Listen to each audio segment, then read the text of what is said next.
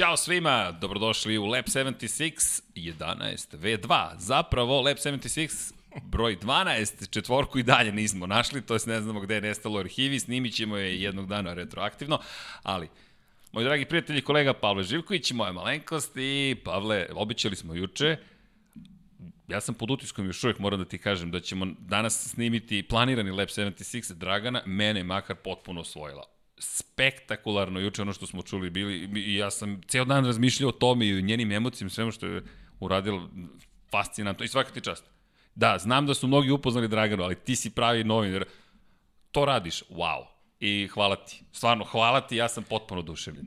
Pa, bio sam na pravom mestu, to je stara priča. Ali skroman si, vidi. Pa ne, pravi ozbiljno, čovek da. na pravom Dobro, mestu. Dobro, mislim, možda ja ću da te hvalim. Dobro, možda smo čak malo i zakasnili. S obzirom da ta priča Jeste. datira već jedan duži vremenski period. Mislim, znamo je i ti ja, ja sam ti je preneo. Da znam, ali ja, Pavle, veruj mi, ja nisam razumeo tu energiju, nisam da. shvatio ozbiljnost onoga što je rekao. Ti si mi govorio i ja sam stalno govorio, da, super, pa, sjajno, ajmo, Zato što ajmo. to su, to su susreti na nekim hodnicima, znaš, i onda čuješ malo od, od tih sekvenci njenih životnih, pritom ona je jedno skromno biće, pa Vrlo. nenametljiva je, ne želi da priča šta sve zna, koliko je e, duboko u celoj priči, pa povremeno razminimo neka iskustva, Slični neku poruku. smo mi isto tako, ne Pa volimo dobro, pred da, da, ne volimo, ne volimo da pričamo, da.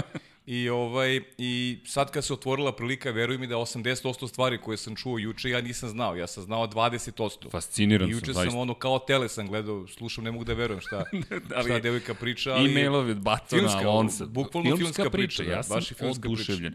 Ko nije gledao, pogledajte Lab 76 broj 11, zaista je specijal. E, Plan je Jest. bio da malo pričamo sa Draganom, pa onda nastavimo redovne E, da, teme, sad možemo da otkrijemo da je bio plan da ona je odgovara takođe na pitanje, da ispriča nekih pola sata svoju priču, međutim, Kakvih pola Kako je sata, krenulo- mogli smo 5 sati da ostanemo i da slušamo. E, tu se vide ti naši novinarski geni, šta smo učili još davno u sportskom žurnalu. Kad prepoznaš dobru Da, priču, da, da, ispričaj da, do da. kraja, to je to. Priča je važnija. Pusti sagovornika da ti on ispriča šta imaš, ti gledaj i... I uživaj. I, uživaj, slušaj, bukvalno, to, da, to je taj moment. Tako Da, da, to je jedan od najlepših momenta. I, i, I, evo iskreno, ja sam sinoć gledao šta sve ljudi pišu, ko se sve javlja i, i ta energija koja se oslobodila i priča o entuzijazmu koji Dragana posjeduje, mene, mene je ponovo nekako vratila, ne mogu kažem u životu, u životu smo Pa, svi, ali u tu ideju, čekaj, sad moramo još bolje da radimo Hajde Formulu budemo 1. iskreni do kraja, ja se ne sjećam kad smo ti ja bili toliko na porukama kao juče.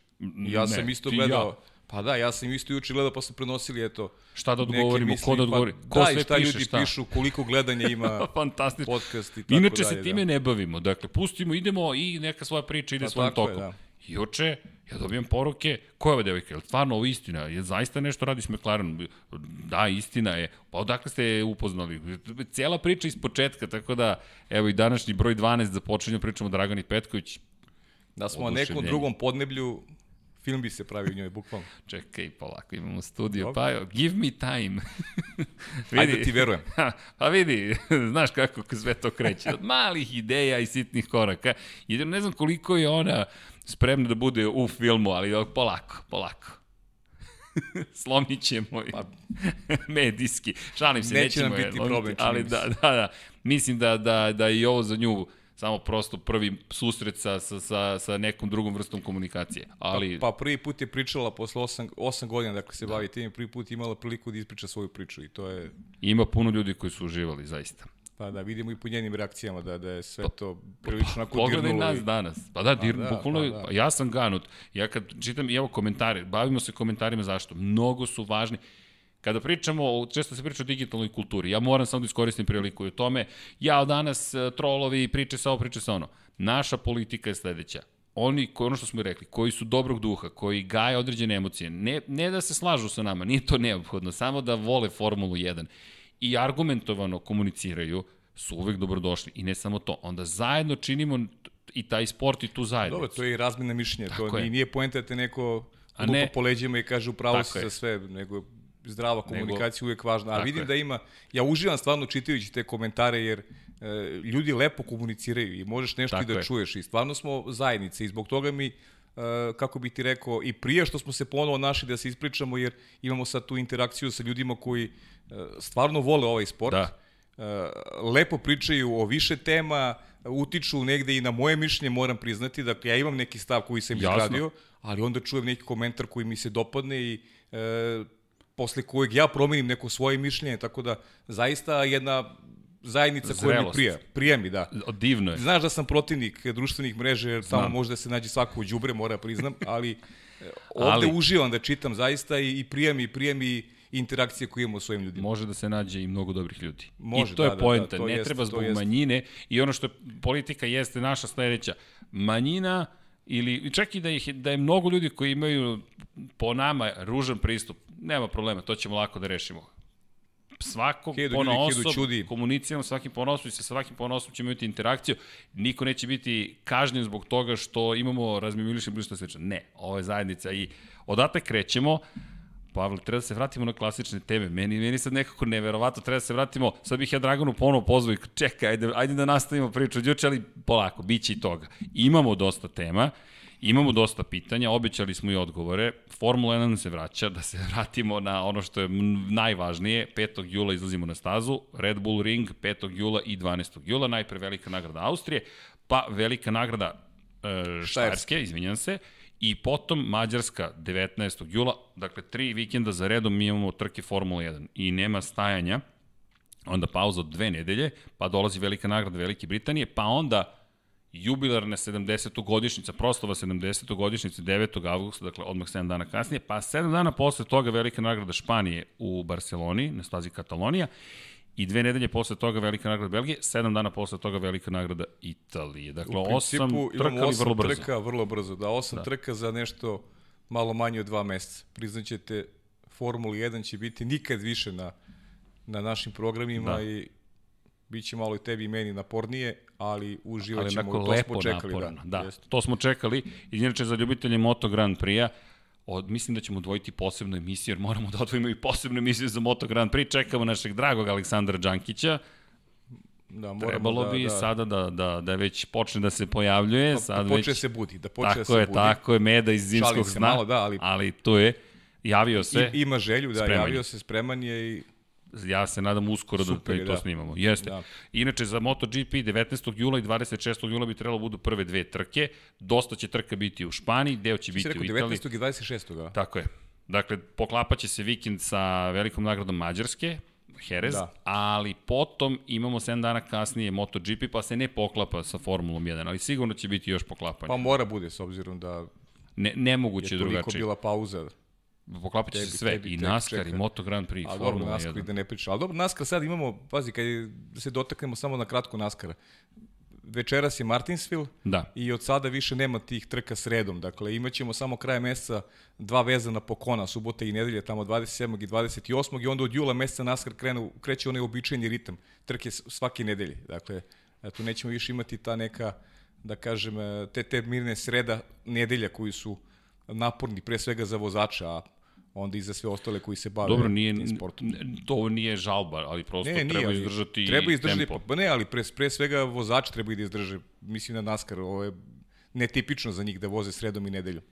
Jeste. Po 500 milja trke, nije šala uopšte. Ne, to su zaista dugačke trke, dakle Jeste. tr, tr, 300 i plus krugova, 500 milja, to su trke od otprilike 3 po 4 časa. Sad smo imali veliki broj zelenih zastava u Atlanti, Pa, to je Atlanta bilo 500 neverovatno. milja, evo večeras već Martinsville 500 krugova, to nije 500 milja, to je 200 i nekih 53-4 milje, ali znaš kako se vozi u Martinsville. Pogotovo Mar- to su- da to su sudari na, na, na svaka tri kruga, tako da... Ako da bude će ko Atlanta, to trajati- će biti Pa, fantastično. pa neće, ne može da bude ko Atlante, Da, biće jedno 4 sata sigurno, ne može na onoj kratkoj stazi da, da prođe bez, bez Vidim po brku kako Pa ti se da, smeje. Martinsville će biti čudesan. Pa da. Preporuka, gledajte, dakle, u 1.30? Ne, u jedan. U jedan. A u 1.30 će u stvari biti Realno istaknute je zelena zastava, da. tako je. Dakle, na sport klubu 1, Pavle, ti si večeras sam, ja bih volao da ti kažem, sigurno ću doći, ali šanse Ne, ne, ne, ne, ne, mislim, ne, male. ne, nema ne znam kako ću da postignem sve, ali, ali, ali u nedelju ja verujem da se mi ponovo družimo Pa kada ja reč o, da, da, o NASCARu. nedelju. Da, inače, za, da ispoštujemo i vikend pre, iza nas, jedina trka na asfaltu koju smo gledali, vodili smo se u Atlanti i bila je, bila je zaista odlična trka. Da, Tipovali smo tipično, malo da. drugačije, da, da, promašili, ali Hoće da kažeš promašili smo. tip, promašili smo. Ali lepa trka, svakako i čovek koji Pa sad- je u posljednjih 6-7 godina, ako se ja dobro sećam sad onih podataka, imao najviše krugova na prvoj poziciji. tako je. Tačnije od 2014. godine, dakle to Da. je već koliko, 7 godina. 7 godina. od 2014. najviše krugova na prvom mestu, ali samo 2018. je pobedio, evo sada je uspeo da slomi da, pre... pre svega vozače Joe Gibbs, Joe Gibbs Racinga, Racinga, koji su bili najveći rivali iz mog ugla i najveći konkurenti, najveći kandidati za pobedu, ali eto Kevin Harvick je Prko si Kevin godinama, Pazi, ono je neverovatno, zaista prva 4, pobeda godina. u Atlanti kada? 2001. godine. Tako je, da. Pazi, 2001. si slavio prvu pobedu, tu treću trci u karijeri i tad je, sa, tad je pokazao e, tri prsta u znak sećanja na broj 3 koji je nosio Dale Earnhardt i vozio te 2001. 2018. ponovo pobedio, tada je nosio rukavice, sada je skinuo rukavice kako bi ponovo ispoštovao Dale da, Earnhardt. Još jedan raritet kad je u pitanju Kevin Harvick. Ja malo sam i tražio nisam uspeo da pronađem da je bilo koji sportista na svetu potpisao četvorogodišnji ugovor u 44. godini. Kada, kada, su, kada su kolektivni sportovi u pitanju, to je jako teško. U hokeju, u hokeju, pa pazi. u hokeju se igra neka i do 50. Ajmo godine ko su pravi sportu. Ali automoto sportu, Ajmo ja se, da, da se fokusiramo. Šok je bio kada je Marquez potpisao ugovor na još 4 godine. To je šok bio, dakle to je da. izuzetno dugačak ugovor po modernim standardima kada je zatim Charles Leclerc potpisao jednu dugoročnu ruku, opet šok, ali to su sve vozači koji su mladi momci, mladi. Mladi momci, da. On čovek ima 44 godine. Više čak i od mene. A čak. Šalno na stranu. Ako je moguće da postoji neko stariji od tebe, onda to je neverovatno. Znam mi Kevin Harika.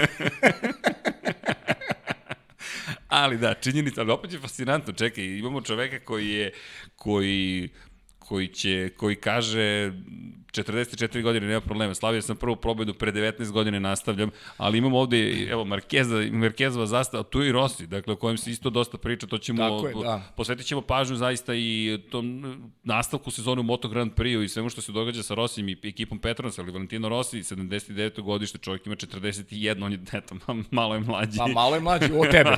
od mene. ali činjenica je, od Harvika je mlađi, ali i njega čeka sad potencijalno dvogodišnji ugovor. Tako da se pazi, Stuart Haas Racing koja je velika organizacija, jedna od najvećih u Naskaru. Znamo ko su Gene Haas, znamo ko je Tony Stewart u, u, u tom sportu. Oni čvrsto veruju u čoveka koji će voziti za njih i u 48. godini. Kevin Harvick je pre početka ove sezone imao, imao ponudu da se oproba u našem poslu, komentatorskom, i rekao je, ljudi, ja to ne želim da radim trenutno, jer se osjećam na stazi moćno I stvarno pokazuje, ostvario je dve pobede. Je. Dve pobede, dve pobede ove sezone. Koliko? U poslednjih par nedelja. Pa tako je, od, od kako su Prva se vratili. Prva trka u Darlingtonu je pripala isto Kevinu Harvicku. Ali pazi, on je dobro vozio prve četiri trke. Kevin Harvick je jedini vozač ove godine, mislim da samo jednu trku nije završio među 10 najboljih. Prošlu, prošlu, prošlu trku. tako je. Prošlu trku nije među 10 najboljih. Znači, to je 11. Pazite kakav je to kontinuitet rezultata. Za 44 godine. Za 44 godine. 500 milja. 500 milija. Ni malo jednostavna trka. Da je jednostavno, to je, ništa nije jednostavno. Još je vozio i u 600 milja, dakle, to su, trke naskara su zaista trke izdržljivosti i, yes. i, i fascinantno je šta, šta postiže, svi šta postižu, ali svaka čast ali koliko Harvick. mora budeš sportista, koliko moraš da budeš spreman da, da, da, da se takmičiš sa vozačima koji su tuplo mlađi od njega. Kevin Harvick je vozio sa Billom Elliotom kad je počinio karijeru, sa ocem Chase Elliota koji mu je danas rival na stazi. Znači on imao rivale i u ocu i u sinu. Da, da, da, da, ne, to je fascinantno. Nevjerovatan je. Bukvalno u Atlanti je vozio protiv Eliota starijeg i sad je vozio sad je protiv Eliota mlađeg. Tako je. sad ne zna da će dočeka i, i, i, i Eliotovog sina. I Chase-ovog decu, okej. Okay. Pa dobro, vidjet ćemo. Ali, znaš koga me podsjeti, evo, baš gledam, ali kada je bila prva pobjeda 2003. zaboravio sam Kimijeva 2003. godine. Dakle, Pirva Kimijeva pobeda i najstariji vozač trenutno u Formuli 1. Vidjet ćemo do kada će ostati. I dalje se zabavlja Kimi Raikkonen. Da ne zaboravimo da i to imamo. Dakle, da dobro, ali Kimi, Kimi se zabavlja, Kimi. znaš, Kimi se zabavlja, on je ne pobeđuje, za malu da ekipu, da a Kevin Harik pobeđuje ove mlađe, razvalj, razvaljuje ih na stazi. Da, bukvalno. E, ali vidi, jesi video poklon što je Ferrari poslao Kimiju? Ne znam da li si ispratio to. I verujem mi da nisi. Nisi na druž... Vidi, društvene mreže, kažem, kao i sve u životu, koliko ih upotrebimo na pravi Dobre, način. Da, dve strane medalje, uvijek tako postoje, tako nije sporno. Ali inače imaš pozdrave ponovo sa Twittera, dakle pozdrav za Draganu, Serceg, to je, jel te, moj da.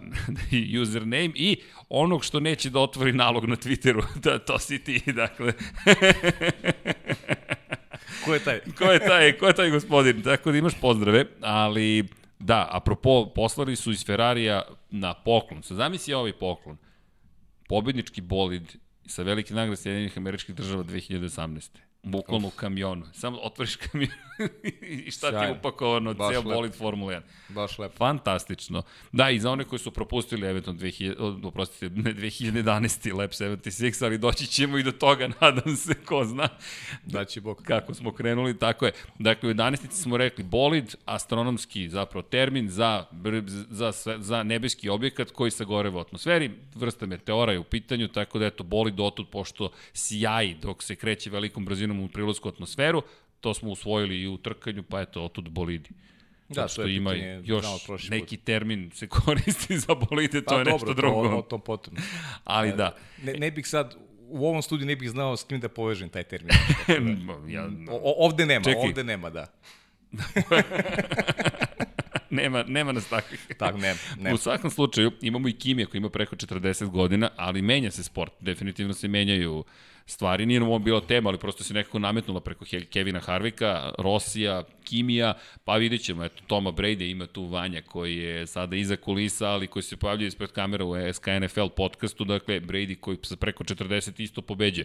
Pa ne, ima, kažem, bilo je u hokeju, bilo je dosta igrača u hokeju, Igor Larionov, Chris Chelios i neki velikani igre koji su uspe, uspevali da prkose godinama i da prosto žive sportski i da imaju taj kvalitet koji im je, i, i prosto telo ih je služilo da su mogli da, da, da igraju tako negde do mat, matne 50, pa u, ostalo evo imamo primer Jaromira Jagra koji je igra i dan danas hokej, do duše sada igra na mnogo manjem nivou u, Češkoj, ali Ali opet Ali igra, ali čekaj, igra. spomeneš Jagrag, to je čovjek koji je 90-ih igrao, dakle, govorimo o, o legendi. pa 72. godište i dalje igra, pa vi vidite. ovaj, Fascinantno. Na, Čak na, sam na ja pisao nivou, tekstove da. o Jaromiru Da. Jagru u sportskoj rubrici. Pa mali, treba nam tekst, nešto možeš, mogu da Ja sam napišem. skoro neki blog objavio baš zato što je jedan od mojih omiljenih, znaš da ja Fantasy. hokej preferiram, pa eto, kad smo se već dotakli ljudi koji Te su teme. preko 40, i, i- ima ih, ali fasciniran sam pojavom Kevina Harvika, zaista. Jeste, izuzetan je i moglo bi do titule, broj 2 ove godine. Može, bez problema. Lepo to izgleda. Apropo titula, dakle, jedno od pitanja, od ključnih stvari jeste i u komentarima i u razgovorima i u pitanjima jeste kome dajemo šansu kada je reč o ovom novom kalendaru Formule 1.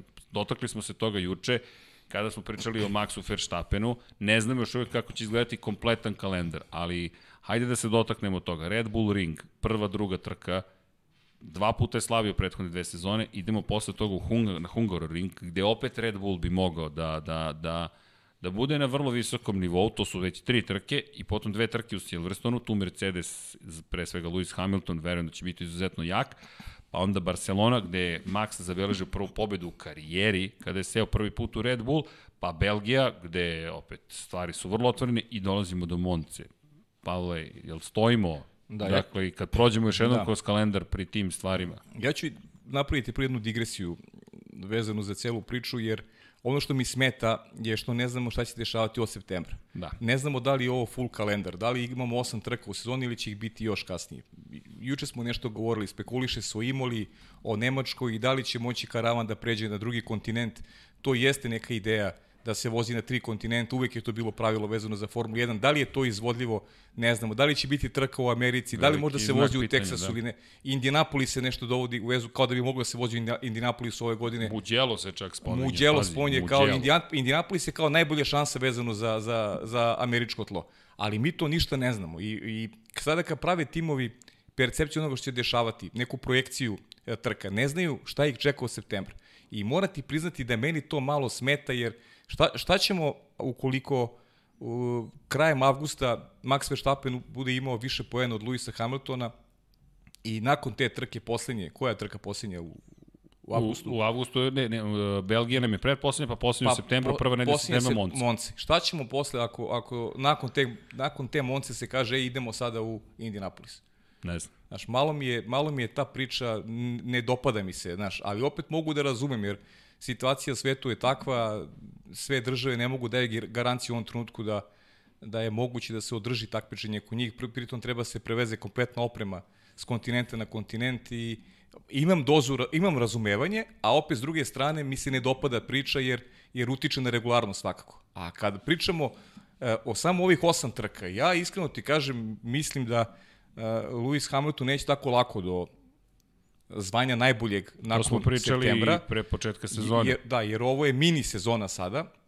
Neke staze koje apsolutno preferiraju ne samo Red Bullu Pa mogu reći čak i Ferrari. E, ne zaboravite da je Ferrari posljednjih godina na tim trkačkim stazama, pravim trkačkim stazama, imao i više uspeha od Mercedesa.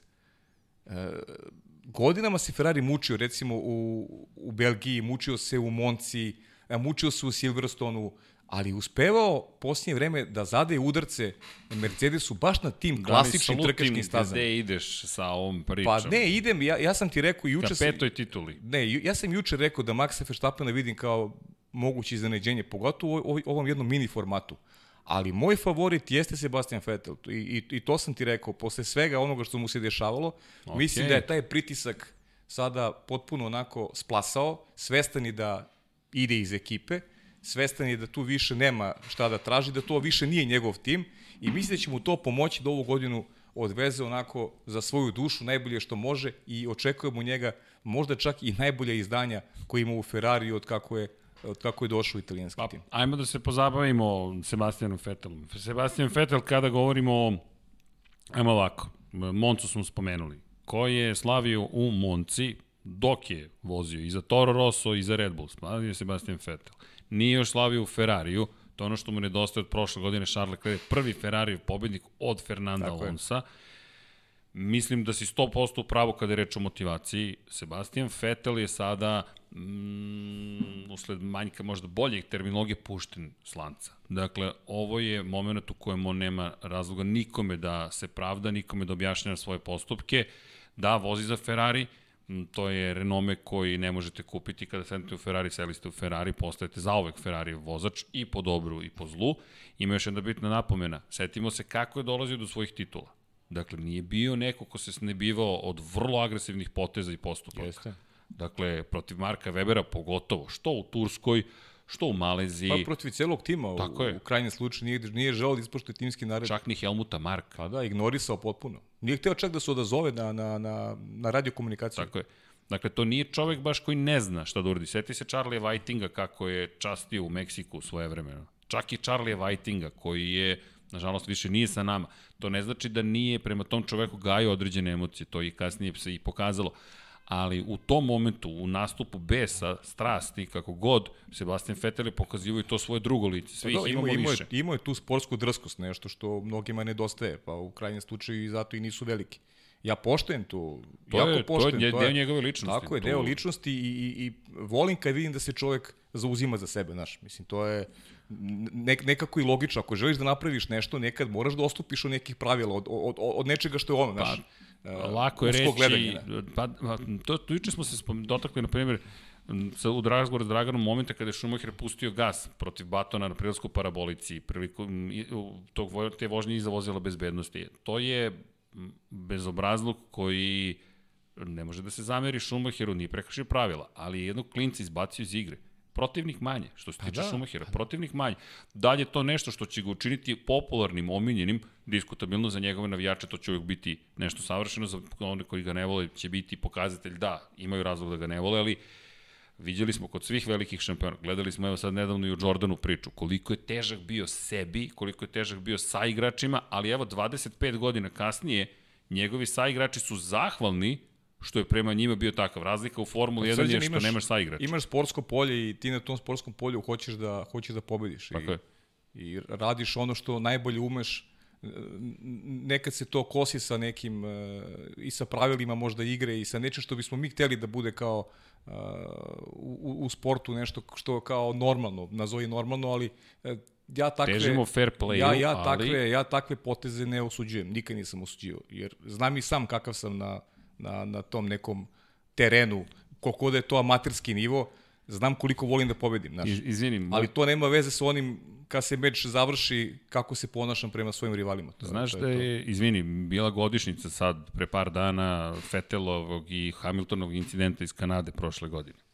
Dobro i kažu ceo svet je video jedno, a FIA i Srđan su videli nešto drugo, ali zapravo Fetel, dakle, je ipak povukao taj pote, šalim se, naravno, ovo je bilo jače od mene, ali na internetu ovako lepo stoji FIA, Srđan vide ovoliki Ferrari boli, da svi ostali vide da tu nema incidenta. Pa dobro, zato što znam na šta aludiraš. Zato, da. Imali smo i tija polemiku oko toga. da, da, ne. Ali vidi, e vidi, jedna od stvari zašto smo onaj televizor tamo stavili, jeste da možemo lepo da analiziramo sve to na još jedan lepši način, ali polako, doći ćemo i na to, da, da, Lab 76.000, ali šalno na stranu, Sebastian Vettel to ima i niti osporavamo njegovo pravo da danas, do ove godine, neko ni da mu osporava, da kaže, ok, ja ću sada da vozim najbolje, ne samo najbolje što znam, već rukavice su skinute, to je to. Dakle, znam, sam protiv svih i to je okej. Okay. I ja mislim da, da te si 100% u pravu, da ćemo imati jednu veoma ozbiljnu verziju Sebastijana Fetela koju dugo nismo zapravo videli. Veoma agresivnu, po mom mišljenju. Pa ubeđen sam u to, da. Ubeđen sam da će dati sve od sebe. Pa da. ko će da dočeka 5. jul? Čekaj, ko će da dočeka 3. jul, kad idemo u prvi Da, trening? na I, to. vidi osmih, znači, da, da, da smo na pravom... Samo, samo da one igrice više prekinem, da igram više ne mogu. E, okej, ajde da se osvaremo na sekundi na to. Odmah ti kažem, igrice neću igrati. Čekaj, pa ne, obeća si bar Be, jedan bez krug. igrica, bez igrica. Čekam 5 jul i... Sad, duh je splasno, pa bar jedan krug. Dobro, jedan krug, ajde. Ajde, ajde jedan krug. Ajde. Dragana piše strategiju, ti voziš prvi krug i Može, ajde, ajde, jedan krug. ideš na zamjenu guma, ja sedam i Pr krećemo. prvi krug u Monci, prvi krug u Monci.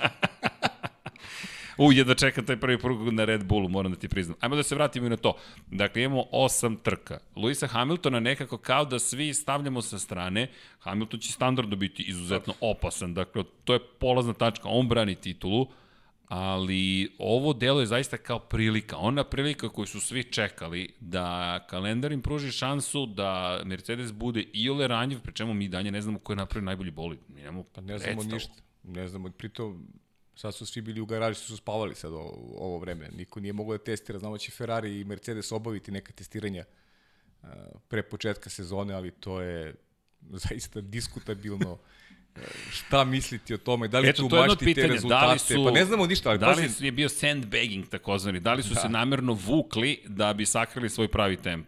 pa ne znam, zaista ne znam. Da ti zaista deluje Ferrari da je toliko sposoban za organizaciono, ne po pitanju bolide, da kaže Charlesu Leclercu, Sebastianu Vettelu u momentu kada se bore za primat u timu, e sada ipak vozite sporije nego što biste inače vozili kako bismo sakrili naš tempo od ostatka sveta. Pa znam, ali ko zna šta, šta seća se prošle, prošle godine su leteli u Barcelonu u predsezoni, pa i tako ispostavilo se da, da je bilo ništa u stvari, da, da su svi drugi bili bolji od njih, pogotovo Mercedes koji ih je oduvao na prvoj trci i takva je cela sezona I bila. definisao godinu Pa praktično. da, ali, ali recimo Ferrari se poboljšao toku sezone, imali su odlične znamo celu priču one kval- Ima, kvalifikacije. stigle su nove ajde, direktive, ajmo, ajmo o- to iskoristimo i tu vest. Dakle, nova direktive su stigle, imamo i prethodne nedelje su zapravo dobili četiri uzastopne tehničke direktive, koje su vrlo precizno definisale kako će se pratiti zapravo agregati, pogonske jedinice, kako bi se izbegle te kontroverze iz 2019. godine, koje su završene tim dogovorim, tajnim dogovorom između Ferrari i Međunarodne automobilske federacije.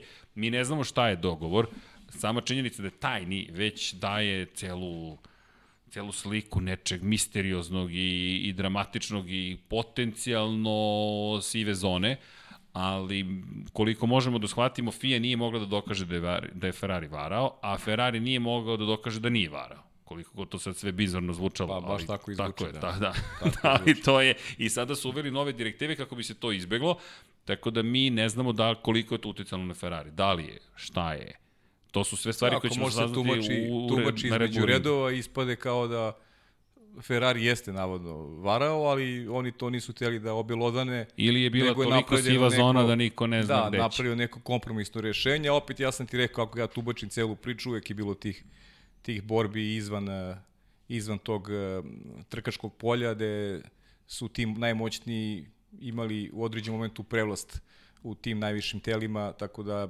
Mercedes je taj koji danas diktira tempo igre, kao što nekad radio Ferrari u vreme Mihala Šumahira i mislim da se sve svodi na to da Mercedes ima najveće moći trenutno u organizaciji i da jednostavno e, ovi ostali čekaju, da kažem, neku svoju šansu da e, makar u tim administrativnim putem mogu da pariraju Mercedesu. Ne mogu ni na stazi, mislim da ne mogu ni u drugim e, ni u drugim segmentima igre. Pa da, Mercedes je vidimo i po načinu na koji ne daje zapravo povratnu informaciju o pravilniku za 2022. koliko opet igra igru. Dakle, i bilo je jedno pitanja e, da iskoristimo priliku o toj promeni startnog poredka. Toto Wolff je dao argumentaciju šef ekipi Mercedesa da ne želi da se menja poredak, zapravo šta je bio predlog. Završi se trka, na osnovu rasporeda u trci, Na osnovu rasporeda trci ja se izvinjam, ali izgleda da neko uporno želi da stupi u kontakt sa mnom, tako da ćemo mi ugasiti sve kanale komunikacije, kako bismo izbjegli bilo kakve upade ovoga tipa. Dakle, iako znaju da snimamo u ovom periodu, u svakom slučaju, e, point je u sledećem, dakle, Toto Wolf je rekao na taj predlog da trka kada se završi i preokrene se raspored, dakle, onaj koji je bio prvi startuje 20. ulazi se u kvalifikacijonu trku, pa na osnovu te kvalifikacijone trke mi ćemo da definišemo startni poredak sledeće trke. Nekoliko problema i tu se slažem u potpunosti sa Wolfom. Isto. Najpre, pa pričamo o šampionatu brzine, nagrađujemo one Tako koji su bili najbrži. Mislim da je to najgluplji predlog koji sam čuo vezano za Ok. okay. promeni pravila. Eto, i bit ću direktan. Uvek potpuno. politički nekorektan. Nekorektan, Hvala, da. ad acta da stavimo stvar. Jeste besmisleno. Dakle, ja sam bio najbolji, ali sada ću startovati poslednji. I još jedna stvar, dakle, ne nagrađujem najbržeg, nego ga kažnjam. Druga stvar, rizik, kad izlaziš na stazu, sad ti treba da voziš još jednu kvalifikacijonu trku. Da, pazi, e, Zašto? ne smete mi to recimo u Formuli 2 i Formuli 3. Znaš, tu negde se drugo. testira, testira svest mladih vozača, e, kako reaguju u momentima kada se nalaze i u donjem delu grida, kako reaguju kada su na vodećim pozicijama. To je nešto što šefovima timova pomaže i kada pa. kristališu možda neko svoje mišljenje o potencijalu I, nekog ali- momka. Ali ovo, znači, Formula 1, uh, takmičenje najboljih. I sad ti kao idemo Nismo obrnut- principijalno protiv toga, već e, protiv toga da se to primenjuje u Formuli 1. Jeste, da, To pa je upravo vrh to. svetskog Pa vrh, am- pi- piramida, automotosporta. piramida. Dakle, mi na piramidi govorimo o tome da si došao na vrh. I sad na vrhu, ajde primenimo pravila iz juniorskih kategorija. Ne. To, to, to je po meni potpuno neprihvatljivo. Slušaj, da je, da je Mercedes u ovom momentu šest puta jači od Ferrarija i od uh, Red bi- Bulla, opet, Da li bi bio protiv toga? naravno je bio. Isto. Naravno Dakle, bi bio. apsolutno, e, samo Toto Wolff treći argument da damo. E, Rekao je još jedna stvar, ne zaboravite koliko može da se onda manipuliše rezultatima. Imam loš vikend, onda kažem, aj malo da usporim, kako bih imao bolju startnu poziciju u kvalifikacijonoj trci. Znam da s mojim bolidom mogu lako da preteknem onih koji su relativno spori, imam pol poziciju, nisam je zaslužio. Pa srđene, imaš priliku, gledamo ti ja NASCAR sada. Viš kako su brzo probedili ta, ta pravila, čenđiraju ih stalno zato što su primetili da vo, određeni vozači tokom trka namjerno recimo gađaju da budu, gađaju po znacima navoda, da budu oko te 20. i 19. pozicije u startu, ako već Kad im je loša rezultat, trka, tako kad je. je loša trka da mogu da startuju sa prve pozicije Tako u narednoj, znaš. I uveli su lutriju. Uveli su lutriju i, i Bolje primetili je su, tako. pa, pa bolje je i tako. A to je Toto Wolff lepo rekao. Da.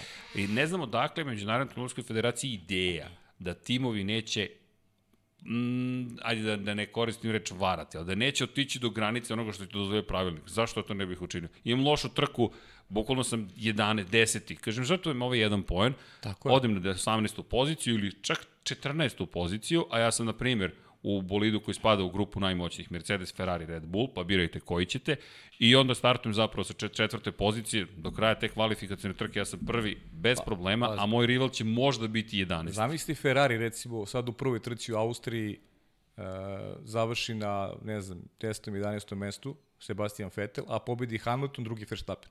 Pa ne mogu da ga stignu u drugoj trci ni, ni, Ne. ni Verstappen ni, ni Hamilton. Nema šanse ga stignu. I onda dobijemo šampionat u kojem zapravo se vijemo ko će imati više sreće. Tako je.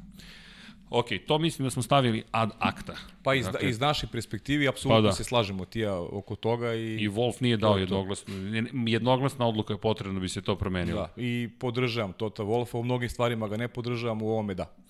Dakle, što se tiče, ajmo da se vratimo kalendaru, dakle to ono što je, što se tiče onoga što nas čeka. Dve trke u Austriji, ajmo da se dotaknemo i Dragane, iako je tu danas Ghost Rider. Ćao, Dragana. Ćao Dragana. Pazi, Đoković, Dragana, Ghost Rider. ok, dobro. ko je sledeći? Eminentni gosti. Eminentni gosti. Čekamo Bakija, Bakija. Ba, o, da, Bakija čekaj, čeka. čekaj. Potvrdio Bakija je, samo još ne jeste. znamo kada. Pa posle 15. Ok, držimo mu palčeve, Baki je naš dragi kolega Branislav Pralica i jedva čekam trenutno je direktor turnira, dakle ima posla turnira. preko glave. Od jutra do sutra. Da citiram Viška, Novak je oteo Bakija i od onda oslabio nam je redove, ali dobro. Ali mi smo ga vratili. Da, misliš, ti si ga Ja sam ga vratio. Voleo bih da, da vidim kako su pri, ti pregovori tekli, ali Lako sam ga ubedio. ostavit ćemo to za neki drugi Lako posao. sam ga ubedio. I znaš šta, da, razmišljam da, da pokrenem podcast, ima, još dva ćemo pokrenuti studiju na kraju univerzuma, tu ćemo pričamo sa različitim ljudima, ali jedan tamna strana studija, koji se emituje posle 12, samo za starije od 18 godina. Sad, znaš, ne smem da kažem ovaj, Svoje mišljenje u potpunosti. na šta me asocira ta priča. Ali da dobro. pričamo i o nekim drugim aspektima života koji su deo, deo društva, civilizacije, kako god. Da. Ok, vratimo zašto se po Formuli 1. Ne, ne, ja sam, izvini, dva Znam da će nešto biti gledao. deo, da će biti ovaj, pozvan da gostujem u toj emisiji. Jesi shvatio već. Dobro. ok, u, čekaj, to će da bude lep 67. Kako god. Dogovorit ćemo I se. nema veze sa tvojim godištem, nego to je nešto drugo. Ne, Ša, ne, ne, ša, ne. šalim se. Nisi van na šest. Ne, nis, ne, nismo sedmice, ali u svakom slučaju, dakle, kalendar, da se vratimo na osmicu, dakle, osam trka za sada. Ajmo i na Draganu. Dragana pripremi strategiju i sad ta strategija se razvije tokom prve trke. Koliko malo vremena imaš da se prilagodiš i to će biti neviđen da. test zapravo za timove i kada je reč o delovima i kada je reč o pripremi vozača i strategija i podešavanja bolida, ali mislim razmišljao- će biti zanimljiv Da li si test. razmišljao ko, Da. koliko bi mogle trke da liče jedna na drugu? Recimo, recimo sad U, to je dobro pitanje, Austriji, nisam. 5. i 12. znači to je u 7 Nisam. dana, imaš ista staza, pitanje da e, znaš šta je samo pitanje, da li će biti isti uslovi kada govorimo o Štajerska, preko 700 vremenskim metara prilikama, da, nadmorske bude visine, promenljivo. prilično. Ali, eto, možda se namesti da, da dobijemo, znaš, dva vikenda koji će onako u totalno identičnim vremenskim uslovima. Znaš šta ja mislim? Da ćemo imati potpuno različite trke. To bi bilo Sad super. Razmišljam To bi bilo super. i mislim da ćemo imati potpuno različite trke. Bukvalno potpuno različite, ali mi je fenomenalno, iako uz, uzroci cijele ove promjene kalendara su tragični dalje, e, ono što je posledica sada, dosta je izgubljeno stvari, ali pre svega su ljudi bitni, da se razumijem, stvari ćemo lako nadoknaditi i novac i sve ostalo, ali poenta u, u te dve trke, Pavle, zamisli se zaista sad kakav će to biti šampionat kada imaš iste ljude, iste timove, istu ekipu, isto sve, na istim stazama u razlici u, u sedam dana razmaka. Pa da, to, to je stvarno onako interesantna tema. Nešto mi sami prošlo kroz glavu kako bi to moglo da izgleda i kako u stvari timovima u stvari biće jednostavno za pripremiti se. Za pripremiti. Jer, jer tamo su pa su tamo, znaš, na, na, ali koliko će biti teško Ali- od, odgovoriti ti, tim zadacima, Niko tim zahtevima, znaš. Nikad nije bio u ovoj situaciji. Nisu, da, prvi put, se, prvi put se nalaze svi u toj priči. Ne znam, vidjet ćemo, i za nas izazov takođe, znaš, to Čekaj, je... ko, kome, kome daješ šansu u toj konstelaciji stvari? Ko vidiš da će biti najbolji u tome da prvu trku pretvori u uspeh u drugoj trci? Od timova, pa i vozača. Pa ne znam, znaš, to opet tu, da, tu opet dolazimo do Mercedesa, znaš, opet dolazimo do Mercedesa, nemam pojma, znaš, ma, malo, Ja bih dao i Red Bull. pa Moram dobro, da ali, priznam, to su dve ozbiljno organizovane ekipe. znaš šta je, Lewis Hamilton je pokazao s godinama da ima tu mentalnu stabilnost, da, da kad je najvažnije uspeva da pronađe pronađe i motiv i tu neku energiju koju ima, kvalitet koji posjeduje, da objedini i da pobeđuje konkurenciju. E, rekao sam ti da očekujemo od Maxa Verstappena da budu te prve dve trke e, možda najveći rival uh, Lewisu Hamiltonu, ali ostajem pri tome da u ovom jednom mini formatu, ako, a, ako tako bude, Da. da. da će Sebastian Vettel pokazati popuno drugo lice. Rekao sam i zbog čega, zbog kompletne te priče oko Ferrarija, Sprint činjenice staza, da, da, sprint činjenice trke. da nije dobio punu podršku i o tome smo govorili. Sprint kalendar nisu. Nije imao ni u jednom momentu on nije bio onako povlačenog statusa kao što je bio Mihael Schumacher. Svi su e, po, poredili Mihaela Schumachera i Sebastiana Vettela, očekivali su da će Vettel napraviti nešto slično poput Mihaela Schumachera u, njegovoj eri. Međutim, Vettel nikada nije imao e, apsolutnu podršku unutar Ferrarije. To je nešto što je a, pravilo problem četvorostrukom šampionu. Imao je tu u sebi Kimira Ekonena koji je a, imao podršku unutar ekipe takođe. Nikad Ferrari nije bio spreman da javno kaže kako je Kimi Rekonen podrška u stvari Sebastianu Fetelu i mislim malo je glupo i reći za, za čovjek koji je šampion. na čudan način i, Da. i, radili. Men, meni je ona Monca, bez obzira što ti apostrofiraš onu Nemačku kad je Fetel napravio grešku. Da, meni je to Men, meni, ključno. ali, ali znaš šta je, meni je Monca pokazatelj koliko su neslužni bili u Ferrari. Da čak i u momentu kada njihov vozač možda osvoji šampionsku titulu, nisu bili spremni da kažu Kimi Rekonenu, onaj start trke u Monci, ja to neću nikad zaboraviti. Ja sam bio u šoku šta se dešava na startu trke u Monci. Da Kimi Rekonen zatvara prvu poziciju, a, Lewis Ham, a, a Sebastian Vettel gubi drugo mesto jer je ostao zagljen iza Kimi Rekonena, bo, bori se čovjek za titul. Da tu nije postojalo unutar Ferrarija jedinstvo, meni to nije bilo jasno uopšte. Ali sad razmišljam, Me, Mercedes tako nešto ne bi sebi dozvolio nikad. Wolf to ne bi. Mada, Nikad. Mada, ajmo, uh, sad opet otvaramo onu temu. Rosberg i Hamilton u tom trenutku da su u istom bolidu. Pa znam, sređene, ali Niko Rosberg, kad se bori za titulu, razumem, Kimi Rekonen se ne bori za titulu. Bori se samo Sebastian Vettel. Da, ne bi se desilo. Ne bi se O desilo da, pričam, da. Rosberg ne može da osvoji titulu i da treba da osvoji Hamilton. Ne bi se desilo. U, ali čekaj, da Rosberg treba da osvoji titulu, a Hamilton da ne može da Opet osvoji se ne bi titulu, da li desilo. misliš? Ja Opet mislim da si bi- u pravu. Opet se ne bi desilo. Mislim da bi Hamilton rekao, ne, ne, igramo za Mercedes. Tako je. Tako je. Ali znaš šta mi sad pada na Baš, pamet? baš, znaš kako ja doživljam Kimi Rekoena? Ja Kimi Rekoena u, u ovoj konstelaciji snaga ovih vozača, ja, ja njega najviše, kako bih rekao, volim. Mislim, znaš, ono, volim. A, a, nisam navijački, orije- ali volim taj njegov entu, volim taj duh njegov, što je drugačiji. Ličnost. drugačiji od svih vozača. On nema neki više. Ja sam, ja sam njega shvatio kad je osvojio šampionsku titulu, stekao sam utisak da je on i svoju misiju ispunio. I, ja, i, i poštojem. Ali šta mu prolazi kroz glavu u tom trenutku? Ja, zna- znaš kako kapiram? Da je njemu neko rekao, Kimi, uh, Vettel se bori za titul, treba, on, mislim da bi on rekao ok. Ej, apsolutno se slažem. Mislim da bi rekao sigurno ok. Jel se sećaš kad je pitao ekipu, rekao. kada je pitao ekipu, da li hoćete da se sklonim? Poruka je bila, Fetel stiže. Da, Dobro, da, i šta sad? Stigo je. Ok. nedefinisano. Nedefinisano. E, Fetel je tu. Fetel je brz. Ok, jel hoćete da se sklonim? Da. Jer se sklonio, jeste. Jeste. Ali samo hoće da se kažu stvari. Dakle, to je i kulturološka, pretpostavljam, razlika, ali pre svega na nivou ličnosti. Recite mi šta hoćete od mene. Jeste mi rekli niste, onda se trkamo. Okay. Bukvalno tako. Bukvalno Ja isto tako razumem. I mislim da Kimi e, prosto neko ko neće reći evo ja ću da budem žrtva, nema problema, niste mi rekli, evo ja ću da se... Ne, ne. Ako mi kažete trkamo se, trkamo se. Ako mi kažete ne trkamo se, ne trkamo se, kraj priče. Ad acta. A I- i to sjeti jeste se- greška Ferrari. Sjeti se šta je bilo posle te Monce. Kraj, Posle, krah. Ali, srđene, ne samo, totalni krah, Potpuni, pa Totalni raspad sistema krah. iznutra. koji se prenoj na 2019. godinu. Da. u smrt Serđe Markionea i sve ono što se dešava. Iako, su, I... iako sam ja potencirao da je ekipa Serđe Markionea ostala, ali očigledno nisu imali, Ali znaš šta? ne, nemaju, nemaju to liderstvo Ajmo. u sebi, ne, ne, nemaju nešto što Pavle. je krasilo Markionea, tako da je sve, sve to negativno od Monce 2018. prenelo se na 2019. godinu i uticalo svako i na svest neko ko je veliki šampion. ti često prenosiš i ekipnu sportu i pišeš o njima i pratiš ih. Ajmo da, da, da napravimo samo paralelu. Ja, kada je reč o tome, se bavim samo NFL-om. Trener, kada dođe novi glavni trener u ekipu, on ne zadržava tu ekipu. Redko zadrži. Ti igrači mogu da budu najbolji na svetu i da hemija postoji sa onim drugim trenerom. Dođe novi trener, vrlo redko ostaje ta ekipa na okupu. Jednostavno, on dovodi svoje asistente, svoje pomoćne trenere, dosta- menja potpunu kulturu ekipe i konačno svoje igrače. Ako misliš samo o trenerskom stafu, ali, Pa- ali, ali trener, koji, trener koji nema naglašenu sujetu, pošto znamo da su treneri prilično sujetni, Prilično. e, trener koji nema naglašenu sujetu može da napravi dobar tim od onoga što Ne je kažem zatekao. da ne može. Može da napravi Ali- ako, ako je svestan, ako je svestan i kvaliteta, ako zna da priđe tem igračima, može, može to da To je to. napravi. Ali zato kažem za Markione, ti odjednom ostaješ bez čoveka koji je stvorio neki tim.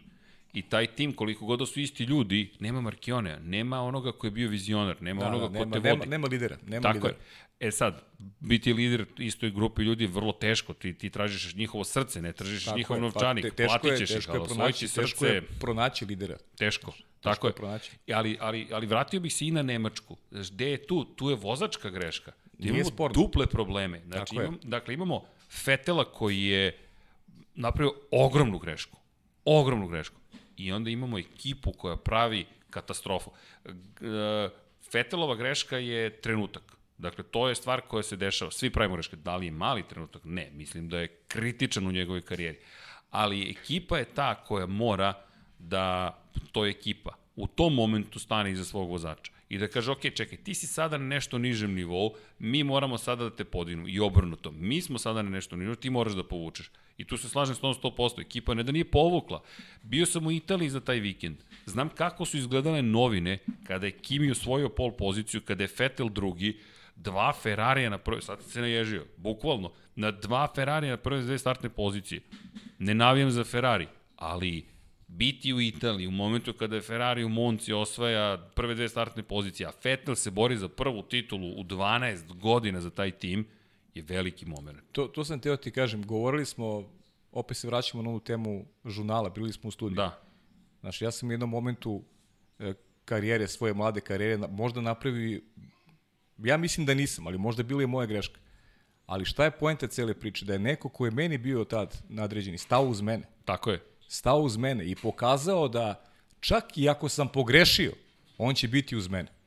Da je tada u tom momentu da me odbacio, pa ti ja danas ne bi sedeli ovde, gotovo izvesno ne bi sedeli ovde danas. Sigurno ne bismo. Znači, stao je uz mene kad je meni bilo najvažnije. Kad sam bio mlad, stao je iz mene. E, to je, to je poenta. Da imaš ekipu koja stane uz tebe. Posle te greške u Nemačkoj e, je morao Fetel da, da, da oseti podršku ekipe, a, a morao je e, da ima u svojoj glavi da, da kompletna organizacija stoji uz njega iako je napravio grešku. Mi dolazimo u Moncu, Ali on se, imao. bori, on se bori za titulu i nema podršku ekipe. Mislim, znaš, to, to je nešto što sigurno utiče na svest, pa čak i četvorostrukog šampiona. Evo gledam, dakle, apropo Fetela, apropo Ferrari, apropo svega što se događa, dakle, to je miks bukvalno stvari koje se desio. Inače, dobili smo upravo poruku, dakle, naći će me nekako, će se probiti do mene, kaže da je Dragana trendsetter trenutno na, na YouTube-u. Evo, podrška za Draganu i sa ove strane. Dakle, ljudi koji inače ne gledaju Formulu 1 su ispratili njenu priču. Fascinantno. Jeste, super. Fascinantno. Ali da se vratimo na ovo što si rekao, ja znam priču koju pričaš, nećemo ulaziti previše Ne, ne, u detalje. pa ne, zato nisam ni želeo da ali, ulazim u detalje. evo sa strane, Pavel se našao u jednoj delikatnoj poziciji, glavni odgovorni urednik sportskog žurnala u to vreme je stao iz jednog mladog novinara i rekao, mi smo uz tebe, kao institucija. Sportski žurnal Ne samo stoji to, nego što je tebe. to teško vreme bilo. 90. godine specifične Protiv su... koga je stao Tako i tako je. dalje. Znači, to su momenti koji su mogli mene da definišu, mogli su da me potpuno i- izbace iz, tako iz posla. Tako. Potpuno da me izbace iz posla. Čak i na fizičkom nivou. Čak i na fizičkom nivou. Neko je stao iza tebe i rekao, ne, mi smo institucija, ja vodim ovu instituciju, ja se zovem gospodin, ako smijem da ga pohvalim, gospodin Simeunović, koji je nama Tako bio Obojica, glavni odgovornik, tako je, rekao, ja stojim iza tebe, kao glavni odgovornik sportskog žurnala. I to je to, kraj. Šta se desilo? Institucija je stala iza mog dragog prijatelja, tako je. vremenom su se stvari promenile. Pritom to je mere- karika koja nije moćna. Ja sad govorim, o, pričam ovde o Ferrariju, o četvorostrukom šampionu, o najjačoj o, ekipi. najmoćnijoj ekipi. Tako je. I ti imaš u sebe četvorostrukog šampiona, pritom ja sam tada klinac, ja nisam nikakav šampion. Uh, o- Ne, on je, on je, ti, ti nisi čak, Ja nisam- dakle, ne, ne, osvojio na putu do prve titule, ti si tek stigao. Tek sam stigao. Znači, četvorostruki šampion nema jedinstvenu podršku. To je meni nezamislivo. E, e, e zato gledam... E, Te dok reći nisi čak ni Charles Leclerc u smislu nemaš Nisam. titulu iz nižih pa kategorija. ne, Charles, ti si odmah ušao u Charles Formulu 1. Leclerc je neko koji je ušao u ekipu Ferrarija koji je, koji je morao da ima, da je jedan duži vremenski period da ima, da bude e, u, u drugom planu odnosno Pa je. Sebastiana Vettel. Ali, ali, ali evo, čisto javno da kažemo hvala gospodinu Simoniću. Meni što je dao šansu. A dobro, ja da mislim, on... Simke popularni. Zna on to, zna on to, da. Ali to jeste čudesna stvar. To se nije desilo ovde. I jedan od komentara jeste, apropo podrške koju moraš da imaš. I to si juče spomenuo u razgovoru s Draganom, Botas da li je imao podršku, nije imao. Nije imao, ali postoji još jedna stvar. I tu, tu, tu, tu, tu, ja zaista verujem da je Botas mogao ili morao više, mora da bude bezobrazniji i da u krajnjem slučaju rizikuje svoju karijeru vozača broj 2, jer je sada došao do onoga što, nažalost, smo juče upotrebili kao terminologiju za Botasa, Ali u ovoj priči ne pričamo o Bottasu, ne pričamo o šampionu Grand Prix 3 serije, ne pričamo o Klincu, pričamo kao što si rekao o renomiranom vozaču koji u tom momentu ti juri prvu titulu, pri čemu ne samo što juri prvu titulu, juri da bude petostruki svetski šampion sa Ferrarijem i da bude ispred Luisa Hamiltona koji u tom momentu ima četiri titule. Te godine osvojio petu, to je 2018.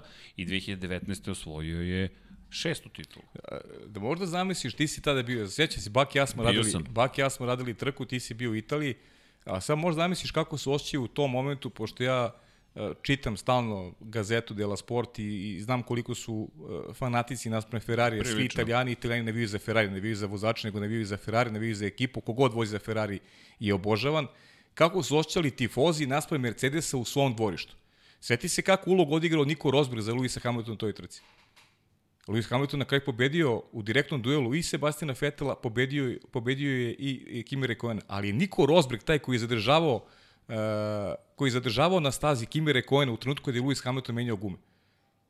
Niko Rosberg odigrao ulogu odigra ulogu popularnog zeca. Čekaj, čekaj, u kojoj godini, u kojoj godini? 2018. Ne, ne, uh, trka. Botas, Botas. E, Valtteri Bottas, ne Nikola Valtteri sad izvini, izvini, izvini. tiltovo desno. Ne, ne, Valtteri Bottas, Ok, izvini. ok, ok, da, da, Botas, Botas Znači, je tačno. Valtteri Bottas je odigrao ulogu Tako zeca. je, E, strategija je žrtvovana. žrtvovana Cela trka je žrtvovana Cela za trka, Luisa Hamiltona. Tako je, on je držao, on je držao Kimira i Konena, Kimira i Konen je izgubio mnogo vremena iza Valterija Bottasa, kasnije je izgubio i, po, i prvu poziciju od, od Luisa Hamiltona. Tu je sezona bila završena. To je bio ajde kraj. da se vratimo u Silverstone te godine. Ferrari je zabeležio pobedu i onda je odlučio da vozi počasni krug. Dakle, da stanu jedan pored drugog Sebastian Vettel i Kimi Raikkonen na mestu koje pripada Lewisu Hamiltonu. To je jasna poruka i Hamiltonu i Mercedesu. Skinuo si rukavice i rekao idemo u ovu vrstu tuče. A, znaš kako se kaže? Da, da, ako ne možeš to da radiš, a zašto si toliko hrabar ukoliko ne znaš da letiš? Da parafraziram čuvenu uličnu izreku, ali činjenica je da si ti rekao, ok, mi smo ovoliko moćni da ćemo pokazati počasni krug. To se ne radi, to je polovina sezone. I onda izazivaš praktično i Wolfa, i Mercedes, i Luisa Hamiltona, pri čemu to radiš u Hamiltonovoj kući. Ok, hrabro. I- Ima toga, ali pravo moraš da potkrepiš mislim kao... da ti kažem, zaboravio sam taj detalj, ali... to je, Mercedes, seti se šta je Mercedes uradio na kraju te trke. Počasni krug. U sred Monce. To nije šamar, to je, zviždali su svi. Dakle, sve tribine su zviždale, ali Mercedes to radi. Ali nije povukao prvi potez, već odgovara Ferrariju. Ok, hoćete tako, evo možemo to i mi. U sred kuće. Pritom što je, što je to bio završni potez. Završni potez. Tako Ne je. samo na 2018. već i na 2019. Pa da, i to se pr- posle prenelo. Prenelo se sve. Dakle, da, inače jedno od pitanja o Branislav Dević kaže, to je njegov predlog je da Ferrari dovede Mika Schumachera. A da, to sam video isto. Pa, Ja mislim da će se to desiti. pa ja Samo je pitanje isto, kada će se to desiti. Rekao bih da, da je malo, da je rano još. Rano je za Mika Da, Schumachera, i realno. nisu rezultati, tu se slažem da komšija je opet tu, inače pozdrav svima. Dakle, E, stvarno, pozdrav svima, da komši ima lepe analize, Ima ima, Nixi mno- čini, tako ima je. mnogo njih koji... Zik Zik se javlja, Browns Bosna. Browns Bosna, bravo, on ima sjajne, sjajne koji isto observacije, da. Pozdrav svima, zaista, zaista ste divni i uživanje čitati. Ali ček, izvini, Mistios TV, slušaj ovo, Wild Prediction ili ti, kako ćemo to, luda predviđanja, tako smo rekli, za 2021. Lude prognoze, a tako smo nazvali. Daimler, to jest Mercedes, insistira da dođe Vettel.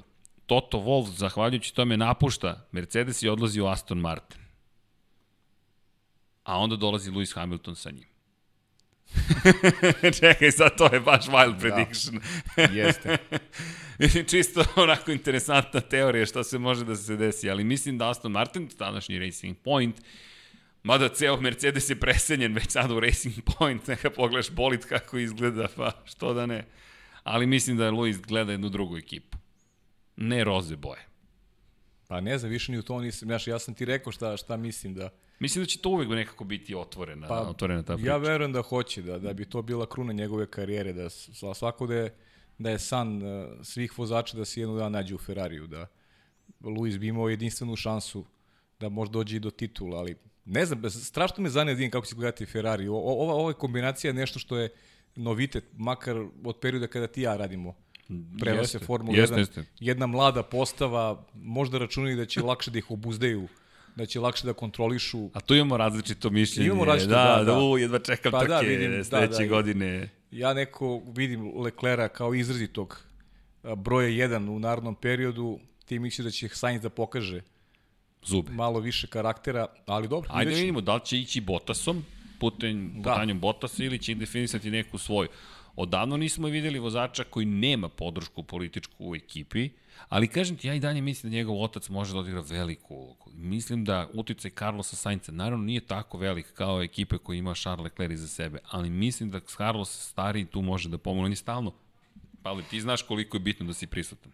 Da se stalno minglaš, da se krećeš, da se na kafama, da si na ručkovima, da si na večerama, da si na, pravim, na pravom mestu u pravo Pa, vreme. slaži se, ali, ali ako je Ferrari, makar ova garnitura, ako su nešto naučili iz prošlosti, a, koliko god da se ti ja onako da, kos, da se kosimo s tom idejom da postoji podela na vozači 1 i 2. E, Ferrari je najbolje rezultate pravio kad, je postojala ta jasna podela. Ono jeri Mihajla Šumahira.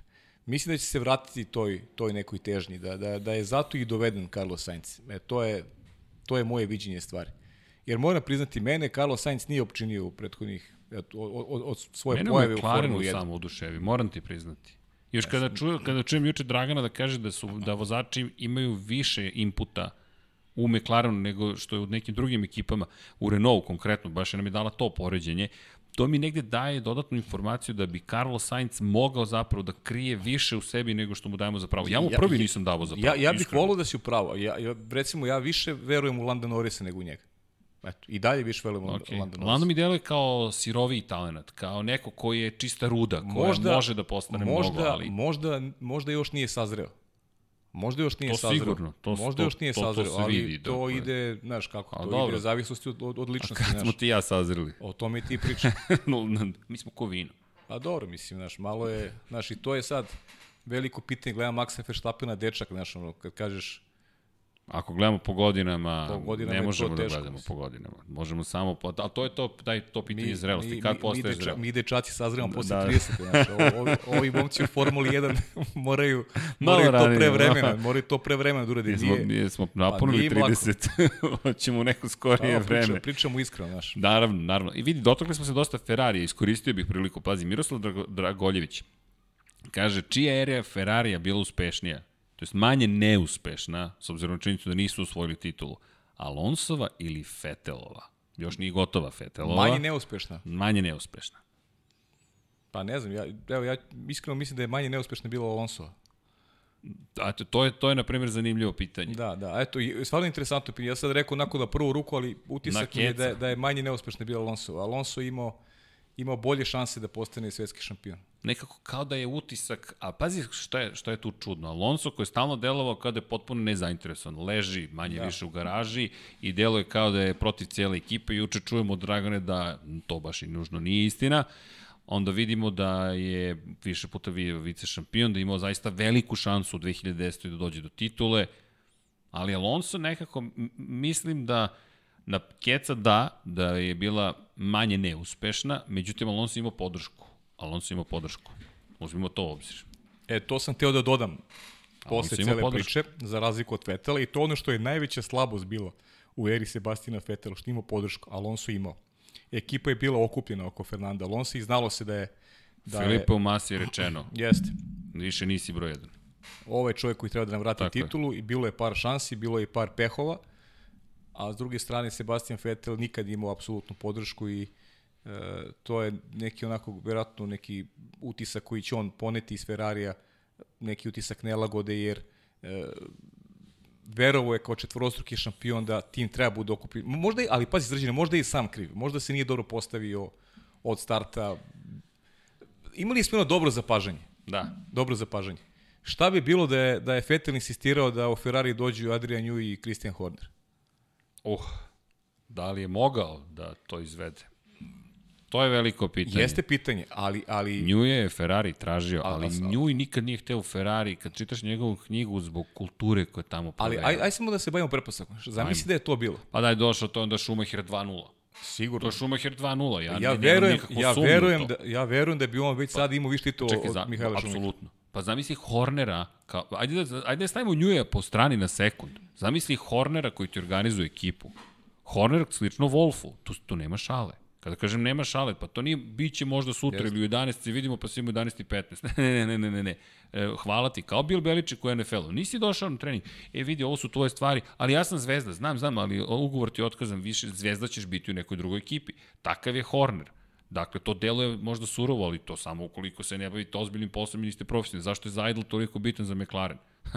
pa nema šale tamo. A to je to, rekao sam, ono, nedostaje Ferrari Ja autoritet. sam 100 po, mislim da bi preko 100 pobjeda već sada imao Sigurno, Vettel. isto, Bukvalno. isto I mislim. ko zna koliko titula za Ferrari. Ali nisu to uradili. Re, seti se šta su rekli. Dakle, oni su poništili kulturu koja je nametnuta tokom ere Mihaela Šumahera, vratili se na prethodnu kulturu i ja to, ja to nemo, neću nikada razumeti. Imao si kulturu koja ti od 79. Jodija Šektera nije donala titulu, do Mihaela Šumahera. Mihael Šumacher, Ross Brown i Jean Todt je nametnu jednu novu kulturu. Čak ne spominju ostatak ekipe koja je došla sa njima. Ti sa tom kulturom osvojiš pet titula šampiona sveta u konkurenciji vozača, šest u konkurenciji E, konstruktora, ali, sedam u ali imamo, konkurenciji konstruktora. imamo drugu prizmu. I ti to poništiš. Da, imamo drugu prizmu. Da li bi Mihael Schumacher došao u Ferrari da Ferrari nije doveo Žana Toda, Rosa Brona? E pa, to je, to, je sad pregovaračka moć. Ali da li su mislili da je Vettel Ferrari onda? E pa dobro, ali da li, da li bi Seba, Evo, da li je. Sebastian Vettel možda, a sad opet pričamo hipotetički, da, s- e, da je tražio Vettelom, da je koliko je tražio velik vozač, Pa dobro, pa da su naravno. tražili da su tra, da je Vettel tražio Kristina Horner i Adriana Njuve i da je Ferrari rekao ne možemo to da priuštimo a on da kaže ok ja neću onda u Ferrari Mm, Sjajno pitanje, ali, pit, ali vidi, ima tu par problema. Schumacher je otišao iz Benettona posle dve uzastopne titule. Vettel nije pregovarao sa Ferrarijem posle četiri uzastopne titule, već kada ga je Ricardo tri puta pobedio te godine. Pa dobro, ali svejedno, pričamo o četvrtskog šampiona. Znaš, ali- Za Ferrari ali- u tom momentu nije, nije postojala bolja opcija. Ali imam utisak da, da, da je Vettelova perspektiva u njegova, ja ne znam, nisam pričao s čovekom u tom, nisam nikad ne, ne, pričao pa s mi, čovekom. mi pričamo hipotetički sad. Zamisli ti kada osvojiš četiri titula za redom, imaš 10, 11 pobjeda za redom, 9 pobjeda za redom na kraju sezone, ma ti, ti si Dobro, svako pregovaračka kralj. moć je bolja. Sigurno Razumeš? bolja, ne, ne, nema I dilema. dođe Ferrari i ti kažeš hoću ove, ove, ove i ove. I oni kažu ne može, i ti kažeš ne može. Ali ti si sad u godini u kojoj se u turbo eri ne snalaziš. Zadnji kraj ti šeta, a on voli da mu bude stabilan zadnji kraj. Ricardo odjednom beleži pobede, sav nasmejan, sunčan, jedan sjajan tip se pojavio, australijanac, vole ga mediji, svi ga vole. Ti nekako padaš, odlaziš u Ferrari, ti povlačiš potez, to mi je jedino zbunjujuće kod Hornera, koji dva puta je bio zbunjen da mu vozači odlaze. Ne znam kako nije učio, otišao mu je Vettel, otišao mu je Ricardo, ali to je druga tema. Ali ti odlaziš u Ferrari i pitanje je da li ti sad povlačiš, možda je on i pitao, ali možda odgovor bio ne, on Pa je ne rekao znamo, i dalje. Ne znam. ne znamo da li je pitao, da li nije, ali, Ali- ali pričamo ovako, to Izvini. je deo pitanja, da, da, mnogo mi stopalo to I- pitanje, ima, ima, stvarno ima, je super. Ima još, ali samo, samo kratko za, za Schumachera. Schumacher tak kad je odlazio u Ferrari, Ađip je bio sponsor. Goriva i maziva za Ferrari. Ađip, to danas možda ljudi se ne sećaju, to je pre 25 godina, 95. godina.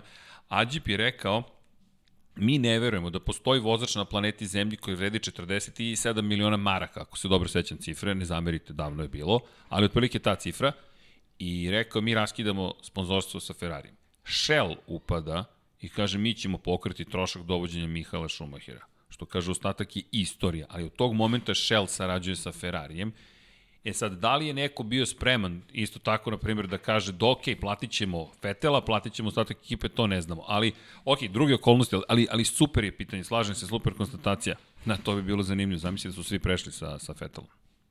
Wow. Dru, druga, druga Dru- dimenzija druga priče. dimenzija, Ovde da. imaš svoje ljude, onda imaš tu vrstu Tako je, podrške je. koju, koju, koju je inače imao, koju je uživao, navikao da sistem rada...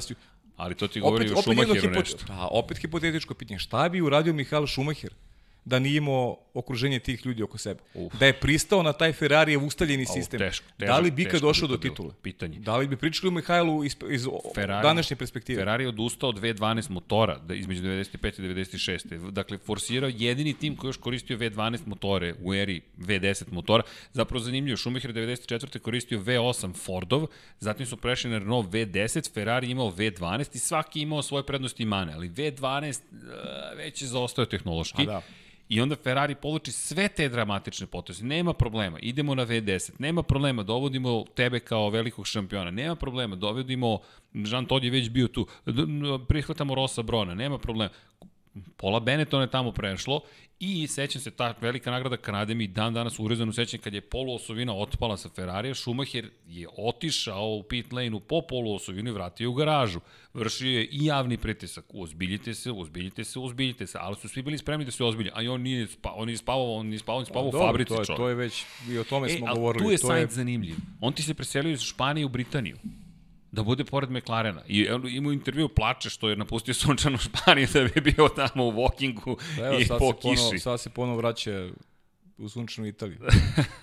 A vidi, Vidjet ćemo, dobro, mislim. to će, au, to će biti zanimljiva Biće kombinacija. interesantno i iz naše prizme Ponovo da vidimo ko, u je, ko je u pravu, da, ko je u pravu vezano. Da, Da, Španac u Italiji. evo neka kao, neka kao brza pitanja, Pitanja, kako ajde. kod nas brzi odgovori, to ne postoji. Ok, da li će Ferrari osvojiti titulu i bilo vozačku konstruktorsku u narednih 10 godina? Hoće. Isto, da. I ovo je zanimljivo. Ni Ja nisam, nisam razmišljao o tome. Od, od 2013. godine nik osim Mercedesa, Ferrari i Red Bulla nije pobedio u Formuli 1. Pa, Šok. da. Šok, tri ekipe.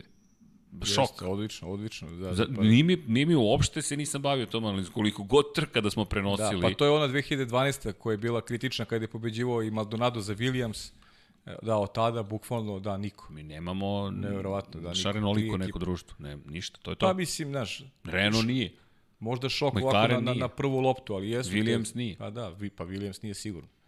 Pa i, pa i McLaren isto. čekaj, Da. Williams bio treći jednom momentu, da ne budemo skroz surovi. Pa bilo je, bilo je. Ali, Ja si da. da. da je neka trka, možda onaj Racing Point Azerbejdžan kada su mogli To su je bila šansa. Nešto je bila šansa. je bilo je mali prilik. Renault kiša možda. Pa dobro, sve pri... pa to što smo rekli, kako je formula otišla u, u pravcu koji onako nije baš najbolji u tom takmičarskom takmičarskom smislu, nemamo, nemamo Pa, iznenađenja. Evo i Miroslav, izvini, piše baš o tome. Lotus sa Raikkonenom. Da. Znaš, to su... Imali smo, imamo te tri ekipe koje oni bukvalno mogu da startuju i sa tih posljednjih pozicija do kraja I će da opet će doći prestignu. do pobjede. doći će pobede u odnosu na ove ostale ekipe. Velika je razlika između tri, između tri vodeće ekipe i ostatka sveta. Da, Baš ogromna razlika. I zato tu gledamo u pravcu McLarena, Renaulta, E, to je bilo To dobro da se smanji. palčeve. Pa da, želimo Bukvalno. ono, želimo bivšu Toyotu, želimo Zauber iz onog E, perioda. Toyota se spomenje, da znaš, to sam rekao da će se tebi dopasti. Da. Dakle, Vanja i ja odgovaramo, inače, kad vidite Infinity Lighthouse ili gospodin koji je u režiji trenutno, ili sam ja u pitanju, ali odgovaramo kolektivno, dakle, ne odgovaramo samo mi šta želimo da odgovorimo, ali jedna od stvari je bila da, da, da Toyota zapravo treba sad da uskoči i da kupi Williams. Ja, to je bilo super. Ja mislim da vidim prvog čoveka koji bi se oduševio tim. Pa ja sam volao tu Toyotu. da. Bilo je stvarno Tim, Timo Glock, Jarno Trulli, ona postava koja je i tekako znala da utiče na, na, Jeste. na, na ishode trka, imali su i podijume, jedan dobar tempo. Toyota koja je bila u stvari uh, preteča Force Indije, ako mogu da kažem u tom nekom neki rezultatskom način. smislu, mada je Toyota čak imala i bolje rezultate. Nije Imala, uh, nisu uspevali tako lako da ih savladaju ovi najveći timovi u to vreme. Tako da Toyota meni To lično bi bilo nedostaje. Da. fantastično, ali to čekamo 2022. i promene i ograničenja Tako je, budžeta da, da, vidjet bi ćemo. bilo isplativo da se uđe. Pogotovo u sred krize COVID-19. Zatim pitanje, da li će Max postati najmlađi šampion sveta ikada? Ova ili sledeća godina. Dakle, Pa nisam, ne znam da li baš može ovo ili da sledeće neće. godine, da, ali... zapravo ali, ne. Da Ja ću ostati pri mojoj najavi iz početka sezone. Hoće. Ja, ja ću ostati pri moje najavi da ću pojesti ovu šolju ukoliko ne bude šampiona, ali ne mogu sad Nekada. da kažem, da, ne mogu sad da kažem, Okej. ono, malo mi je kao, kao da, kao Boba Vanga, znaš, ono. Vanja, čuvamo ovu šolju, pazi, Šolju, čuvamo da. šolju. A, I ja oštrim zube A za zato svaki si slučaj. juče počeo da je lomiš. Znaš kao više Na nema kvarnu, na šolje. kvarnu. ok, da li će Sainz imati više pobjeda od Leclerca u 2021. godini? Opa. Neće. Ja, ja ću reći hoće, ali to je tačno ono što se... da, i pitanje je bilo da li će Mercedes kupiti Williams, Toto Wolff je 5% otkupio Williamsa, ali to samo Tih 5% je velika stvar i zašto? Ne zato što će to spasiti Williams, već zato što Toto Wolff, to je moja analiza samo, čak mislim da nismo ni pričali o ovome, je poruka berzi, kotira se Williams ekipa na frankfurtskoj berzi, to poruka potencijalnim investitorima da jedan Toto Wolff, koji je sada prilično veliko ime, mnogo veće nego pre 7-8 godina, i tad je bio veliko ime, sad je ogromno ime istorijski, i rekao ja stavim iza Williamsa. Dakle, to je njegova javna poruka, stavljam i moj novac. To ne toliko da ću propasti, ali dovoljno da vam pošaljem poruku o ovoj investicije koja vredi. To je jedino što ja vidim u ovoj priči sa Wolfovim, bilo kakvim uplitanjem u afere Williamsa. E, Jedino što ima veze sa Williamsom, a- a što mogu da onako kažem javno je da a, verujem kako će George Russell u budućnosti biti najveći rival Maxa Verstappena. Tu se slažemo jedan na jedan. Eto, to je, mislim da će to biti onako dueli, pa neću reći na nivou Sena Prost, ali, ali, Ali- oko njih dvojice će se nekako vrtiti budućnost Charles Formule 1. Leclerc? Pa iskreno ti kažem, veću prednost dajemo u ovoj dvojici. Ja isto verujem više u Russell. Meni je Russell budući britanski šampion sveta. Zaista. To je, to je naslednik Luisa Hamiltona. Eto, sla, oko, oko, oko ove teme se slažem. Ne, najzad. Šalo na stranu. A, pozdrav inače za, za sve, naravno, ali Ognjen je nešto zanimljivo isto primetio. A, proverio da li je bilo negeografskih nazvanih velikih nagrada i pogledali smo i mi posle, postoji samo jedna, pazi, i Štajerska je ipak geografska oblast, dakle Jeste. govorimo o geografskim oblastima, ali do sada samo jedna, i hvala Ognjene na ovome, koja nije nosila naziv neke geografske oblasti i to je trka koja je vožena u Las Vegasu. Pazi sad to. Dakle, Las Vegas, velika nagrada Caesars Palace-a. dakle, Caesars Palace Grand Prix. Da li si ikada čuo za tu kombinaciju stvari? Moram priznati da nisam. A Dakle, eto, to ono što sam rekao s početka podcasta. Kakvu zajednicu imamo. Saznajemo neke stvari, ovo je fenomenalno. I to su dve trke bilo, 81. 82. Inače, vozilo se po parkingu u Las Vegasu, čisto da znate koje su to trke. No, zamisli te trke, voziš po parkingu. Aha, imamo neki parking tu pozadi ovde iza studija. To po parkingu možemo i ti ja dušiti. ja ti kažem, stolica, Pajo, veruj mi. Dakle, da, Sjedinjene američke države, 500 milija Indianapolisa 11 puta, 41 put velika nagrada Sjedinjenih američkih država, zatim je velika nagrada, pazi sad ovo, Sjedinjenih američkih država Zapad, 8 puta, 2 puta velika nagrada Caesars Palace, 7 puta velika nagrada Detroita i jedna velika nagrada Dallasa fascinantno. Naučili smo nešto. Znači, dakle, Caesars Palace i sad ćemo imati prvi put, eto, jubilarnih 70 godina. Treća trka u istoriji, drugi put kada reč o velikim nagradama. E, inače, evo, za šta mi je bilo zanimljivo, predstavno se priča o tome dovesti Formulu 1 u SAD, ali kad pogledamo koliko trka je održano, u Italiji 97, u Nemačkoj 78, u Velikoj Britaniji 73 i onda Amerika 70 trka. Kad pogledaš, Amerika je četvrta država po broju trka koje su održane pa, na teritoriji. u Americi ima najviše različitih staza na kojima se vozila neka velika nagrada. Fascinantno šta I tamo to je, mislim, i to je, to je logično neko s da. obzirom da. na da, da. to kolika je država, tako da. To Evo, je... mi danas imamo u Naskaru imamo stazu na kojoj se vozila velika nagrada Watkins Glen. Watkins Glen, da. Tako je. Da, zanimljivo. Monako ima 66, Belgija 64, pa Francuska 61 i tako dalje i tako bliže, ali eto da, to, to, to je stvarno meni, meni bilo neverovatno. Dakle, yes. morao sam da proverim, rekao, ok, stvarno čovjek je lepo napisao svaka i čast, svaka ognjene. čast ognjene, za, zaista. E, da li možemo... Ideja, ideja da se, da, da, da obrdiš tu temu je sjajno. Inače, mi smo to nazvali crowd commentating i stojim pri tome da mi bolje radimo svoj posao zahvaljujući svim ljudima kojima učestvuju. Čak, Tako je kada govorimo o negativnim komentarima, mi da nemamo problem sa time, samo kada su argumentovani, uglavnom pristojni, čak i kad su nepristojni ponekad, ako možemo pa, da izvučemo da. nešto dobro iz toga je okej, okay, ali volimo da budemo pre svega... Da nije, nije ni normalno da se, da se svima pa svidiš, znaš, to je... To, to, to, bilo bi besmisleno, bilo bi pa, čudno. Zapitao bih se da li sam ovaj, u redu.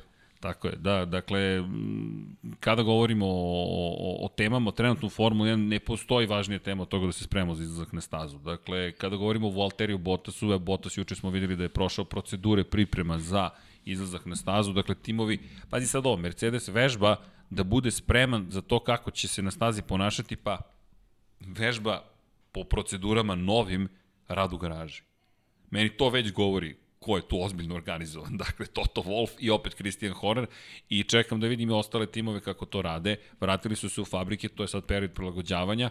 Svi malo moraju da uslovničaru glume, to je da veruju u to da se stvari normalizuju, da bi se zaista normalizovali. Pa nekako mi normalnije da izlaze u etar i, i Red Bull i Mercedes, Ferrari očigledno u predsezoni ili je krivo adut ili nije najbolje odradio stvari, tako da nekako mi ta tišina koja je oko Ferrarija mi je i logična s obzirom na lošu sezonu, s obzirom da su ostali bez Sebastina Fetela, možda se iz toga nešto izrodi, jer Ko zna? E, znaš kakvi su italijani temperamentni i kada su puni očekivanja e, napravi da se nešto loše. E, ja ću ti reći iz nekog, iz nekog e, futbolskog smisla. Dobro. Recimo, Italija je posljednje dve titule svetskog šampiona osvojila u uslovima koji su bili E, katastrofalni. E, to, to jeste e, zanimljivo, Znaš, imali su, osam, 82. imali su veliku aferu, doping aferu oko Paola Rosija, čak, čak su pretili Jencu Berco, tadašnjem selektoru, da će ga smeniti ukoliko povede Rosija na svetsko prvenstvo. Či jedno popuno ludilo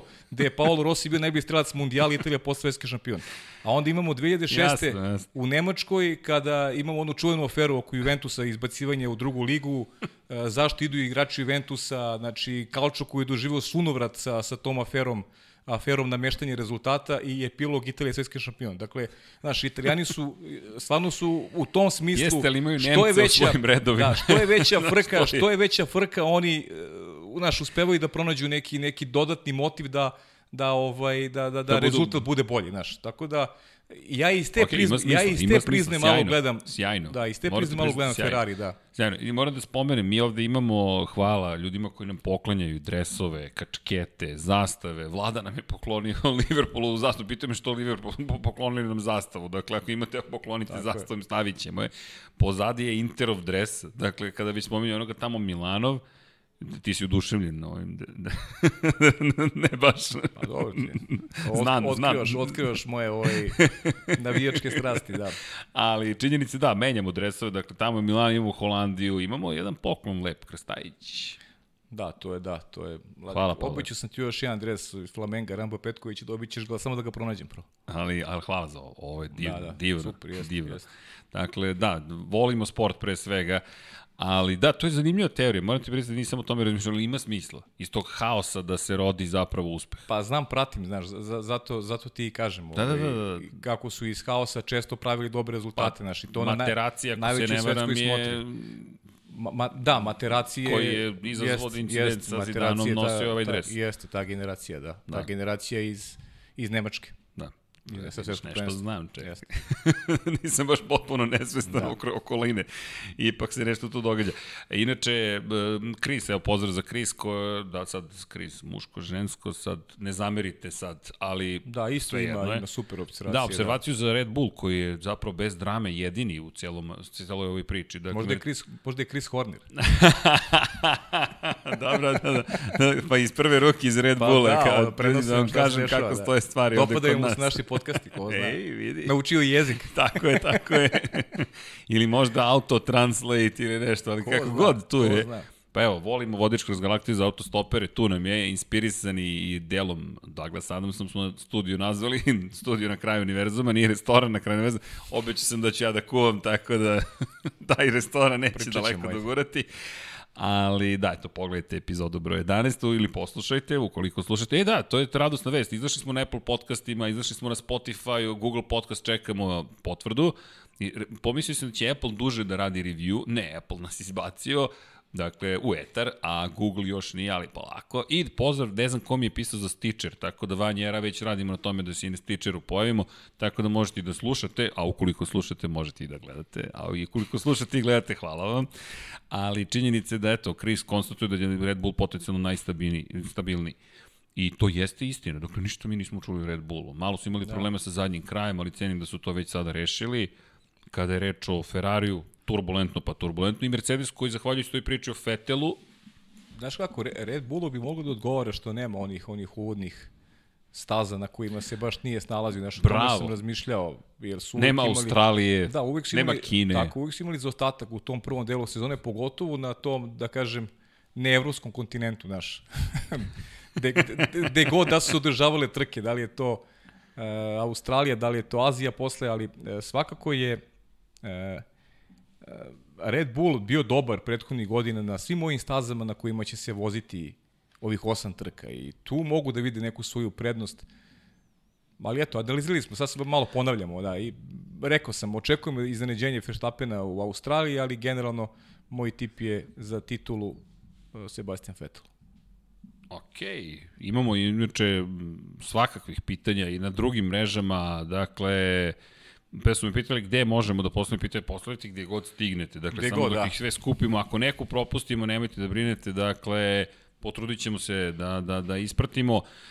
Pitbull je rekao da će poslati pitanje, a možda je negde ovde i potpisao, ali drugačije. U svakom slučaju, kada je reč o, o Red Bullu, ja sam tipovao na Maxa i, i, i kada je bila ona rekordna sezona pred nama od 22 trke, jednostavno neki mi je, ne mogu kažem da je to sad želja da vidimo novog šampiona nekog, nekog drugog, ne, jednostavno mi nešto govori da bi Max da, ove godine to mogao. Sad u ovoj novi situaciji svi pričamo o tome da će Max imati prednost, ali možda će baš Lewis Hamilton imati prednost. Možda je za njega ovo savršeno. Ha, skraćena sezona, nema problema, a ja do sedme titule. Možda će sad reći, sad ću da budem toliko fokusiran naredna dva i po meseca, tri, ne znamo koliko će trajati sezona, da završim istorijski posao. Znaš kako, ja mislim da ja sam korigovao mišljenje na onaj prvi studiju koji smo radili kao najava sezone. u Sećaš martu još, U martu sećam se. mesecu. Sećaš kako, sećate te noći vrlo, vrlo Sećaš, se, jasno. i- ja sam tada rekao Lewis Hamilton, ako se dobro sećam. Da. Mislim da sam rekao Lewis Hamilton. Korigovao sam svoje mišljenje upravo zbog svega što se dogodilo u Ferrariju, znaš. E, Zato tu negde dajem, znaš, mislim da je, da je Vettel imao malo problema sa, sa tom celom pričom koju smo absolvirali već nekoliko podcasta oko tog Da. da. nejedinstva unutar Ferrarija i da je on sad nekako, da kažem, mentalno spreman da, da, da, da uradi nešto ono najbolje, da izvuče najbolje iz sebe i da se fokusira samo na trke i da pokuša e, da, da uradi za sebe najbolji posao. Mislim da njega više neće ni te timske naredbe, da njega to neće zanimati uopšte. On će voziti sada svoju Da, trku. da, to je ono što si rekao. Apsolutno, Do apsu, kraja. da, apsolutno je e, svestan da ima samog sebe u, u bolidu i da hoće da pokaže najbolje što može. U krajnjem slučaju, srđene, on nema rečan status za naredne sezone. On sada vozi za neku budućnost, svoju budućnost. Koliko god da se to zvuči. Teoriji od, pro, od prošlog puta. Zamisli da. osvoji titulu sa Ferrari. Pa šta ćeš kažem. onda sa njim? A zamisli, nemaš ugovor. Šta, šta ćemo sa Vettelom? A- Vettel a će da biti Srđane, najsvežiji a šampion zamisli, Ferrari. A zamisli loš učinak u, u ovoj godini. Šta ćemo tek onda sa Fetelom? Znači, to je još jedan to je motiv ko, moguće. koji, I još gore prosečan koji, učinak. tako je, koji on mora da, da onako da prevaziđe i da, i da se motiviše i uradi ono, na stazi najbolje što može. Ok. Vidi, Vettel, Vettel, nismo uvoliko pričali o Vettelu, ne pamtim. Dakle, dobro, nismo ni imali podcaste do ove sezone, ali činjenica da. da nam je Vettel nekako tema zaista broj jedan zasluženo. Inače, ajde da, da samo... na pitanje, da, Kratko, da. pitanje, da. Dakle, Matej Donevski spominja Alberta Hammonda juniora. Dakle, govorimo govorimo o The Strokes, pošto je bila gitara. Nemamo danas, nećemo danas gitaru, ne zato što nećemo, nemamo vremena, ne možemo Ne sve da to, pa postignemo. do, ali- i nema, nema želja. Nisam primetio da neko traži ovo još. Pa ne znam, eto, možda, možda, eto, ako Matej želi The Strokes, nema problema, uvežbat ćemo The Strokes za, sledeći, sledeći. put, tako Da. je, tako da ćemo da, da sviramo, nemojte ništa, volimo, da, makar ja volim stvarno da sviram, vašu sreću, žalost, šta god. voliš, Pa dobro. ne znam pa, šta ne znam je. šta kažu. Ne znam, ovde se smeju, ali to, to je to podrška. O, Vanja mi je rekao ovako. O, ho, ho, ho, ho. Ok, challenge accepted. Čekajte da ja počnem da pevam, pa ću vidjeti šta. Lab 76, uh, sla, uh, nulta emisija. Minus jedan, idemo. Ništa, otvorimo grupu neku. Pa, pokrenemo. Ajde, kako Ima nas se zove, kako nam se zove grupa? Pa Lab 76. Može, vidi, nema problema. I sviramo 76 pesama po albumu. U svakom slučaju, pitanje je da li biste Monako možda da bude trebao bude trka koji se, koja se ne buduje za šampionat sveta, već kao poslednja trka po za slavu i čast. Ja iskreno to ne bih voleo. ne, isto, pa... Baš je izazov to što je teško pobediti u Monaku. Jest. To je baš, baš izazov. Pa šta, mislim, šta da ostane u kalendaru, u kalendaru ako ne budemo onako? Ne, ne, ne, mora da bude Monako. Baš to je poenta što je toliko teško, što jeste yes. show, što je spektakl, a opet donosi poene. Ne možete da pristupite tome kao da je šala. Pa ne, ne mora, kultna- 25 kultna poena u igri. ne može, ne, ne, to ne tako je. 66 puta već bilo domaćin. Dakle, to, to je ozbiljno. Neke druge staze mogu tako da startiraju, ali Monako, dragulje. Zaista, i nije slučajno ta priča o 500 milija Indianapolisa, Monaku i 24 časa Grand. Slam. Da, tražili su da komentarišemo 24 časa Le Mana. To smo pričali još, da, nemam ništa Trenutno ne, ne prenosimo, ali ukoliko se ukaže prilika, izdržat ćemo. Da li direktor ovo sluša? Uh, ja se iskreno nadam. Ili gleda. Pazi, 500 milija Indianapolisa svakako, mislim, to je nešto A o to sanjamo. gledali. To je, sanjamo. Pratimo svake godine. To baš kultna, sanjamo. Kultna trka, to je fenomenalno. Upa, onda i mi imamo triplu krunu ako to uradimo. Ako vežemo ove dve. Da. Zovemo Alonso i kažemo Kažemo Izvini. Dragani, može da nas poje. Izvini. Izvini, izvini, ali, ali... Piši tamo Živko i Ćerceg. Jeste. Od tebe ništa. Možda ako ti Dragana bude stavila strategiju. A, inače, slava, ali onda će morati možda da se vrati u, Renault. Ajmo, još dobro. nije završena priča. Ko dolazi u Renault? Da. Koga čeka Renault? Znamo svi koga čeka Renault, ali Manje dobro. više. Drugo pitanje komšije, da li će, da li će, kako se čini da se usvoji format eh, šampionata Formula 1 poput Moto Grand Prix, da svaka trka Formula 1 ima i F2 i F3. Pa nama bi bilo super. Pa, ali mislim da, Da li da, bismo mislim da je prenosili? tehnički, da je Teško. tehnički neizvodljivo zato što malo duže traju te, te Drugačiji su, znaš, drugačiji su teško je to organizovati. To Ali dobro, od lepo po- je, Pa, lepo mada- pratiti te trke, to mada su izuzetne Mada trke. opet srđene, To kad pogledaš i, i te trke traju po sat vremena. Nije to nešto mnogo duže u odnosu na, na Čuj, ja- Moto 2 i Moto 3. Bilo bi sjajno, bilo bi sjajno, samo što je opet pitanje, uzmite obzir da li bismo sve prenosili, koliko god kanala da imamo, pa, i sad će se otvoriti priča o automoto Da, da. kanalu. Jednostavno, postoji drugi sportovi koje, koje takođe i volimo i poštujemo, ne samo mi, naše kolege, ne- generalno sport je sport, ovo su na, sportovi koje mi obožavamo, ali prosto kada pogledate šta sve sport klub prenosi, treba to upakovati nekako. ali, ali dobro. Nadam se da smo odgovorili na pitanje. Pokušavam sad da ispoštujemo sva pitanja, ima ih mnogo, ali nema veze. Biće ih i za sledeći put i trudit ćemo se uvek da bude deo priče zapravo. Ali, dobro, su neke pohvale, čak i za muziku, pazi. Dakle, Opa. da, da, da. I pitanje je za Miloš Jeftić, kaže, timov, da li, da li bi smatramo da bi bila zanimljiva Formula 1 sa 11 ili 12 timova? Da li bi bila zanimljivija? Pa ne bi ako su timovi samo učesnici. Ako, Ako- imamo, šta, još jedan Caterham Ili još jedan Williams, čemu? ničemu.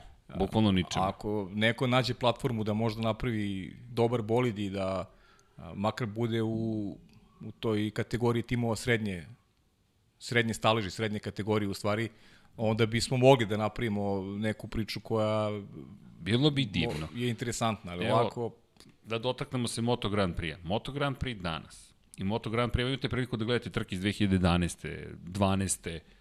To su dva različita sporta. To su dva različita sporta. Koliko god da su bile neke trke spektakularne i bitke tih velikih vanzemaljaca u to vreme fantastične, danas kada pogledamo izjednačenost timova, pa vanzemaljci jednom de- deluju mnogo zemaljskije. Dakle, imamo da, nekolicinu, ali ali zaista izuzimam i, i Markeza i Lorenza i Rosija, u to vreme Stonera i Pedrosu, ali imali bi mnogo teži posao da su timovi bili na tom nivou kakvom su danas. E kada to imamo u Formuli 1, a to se nadamo 2022. da bi moglo da se desi, onda možemo da pričamo o većem broju timova. Za sada, kao što si rekao, šta će nam još jedan tim koji je pozadi 3 sekunde iza vodećeg? pa, potpuno Ničemu ne služi. Ne, nepotrebno. samo. Ničemu ne služi. A drug, d- zatim, Pink Mercedes, to jest Racing Point, da li može da iznenadi? Pa, Pa, predsezona je bila dobra, ali ja se ne bih osvrtao zaista na ta testiranja više to e, znamo koliko smo se zavarali, koliko je to varljiva tema e, bila iz 2019. Ne godine. znamo. Šta realno mogu, to Ali je pazi. veliko pitanje. Racing Point, Renault, McLaren, to, to može da bude ta opet ta bitka za srednji deo. Toro. Rosso, to je Alfa Tauri, Alfa Romeo. O, ono što je izvesno, opet imamo tri ekipe koje će imati veliku prednost i to će se vidjeti i kroz kvalifikacije, e, vidjet će se, verujem, i kroz trke, samo neki njihovi, da kažem, obračuni, neke, neke e, loše, tren- loše situacije na stazi mogu da iskoriste ova tri tima koje si ti nabrojao. Inače, inače ne verujem da se približio bilo ko ovim ekipama. Znaš koga ne spominjemo? Haas.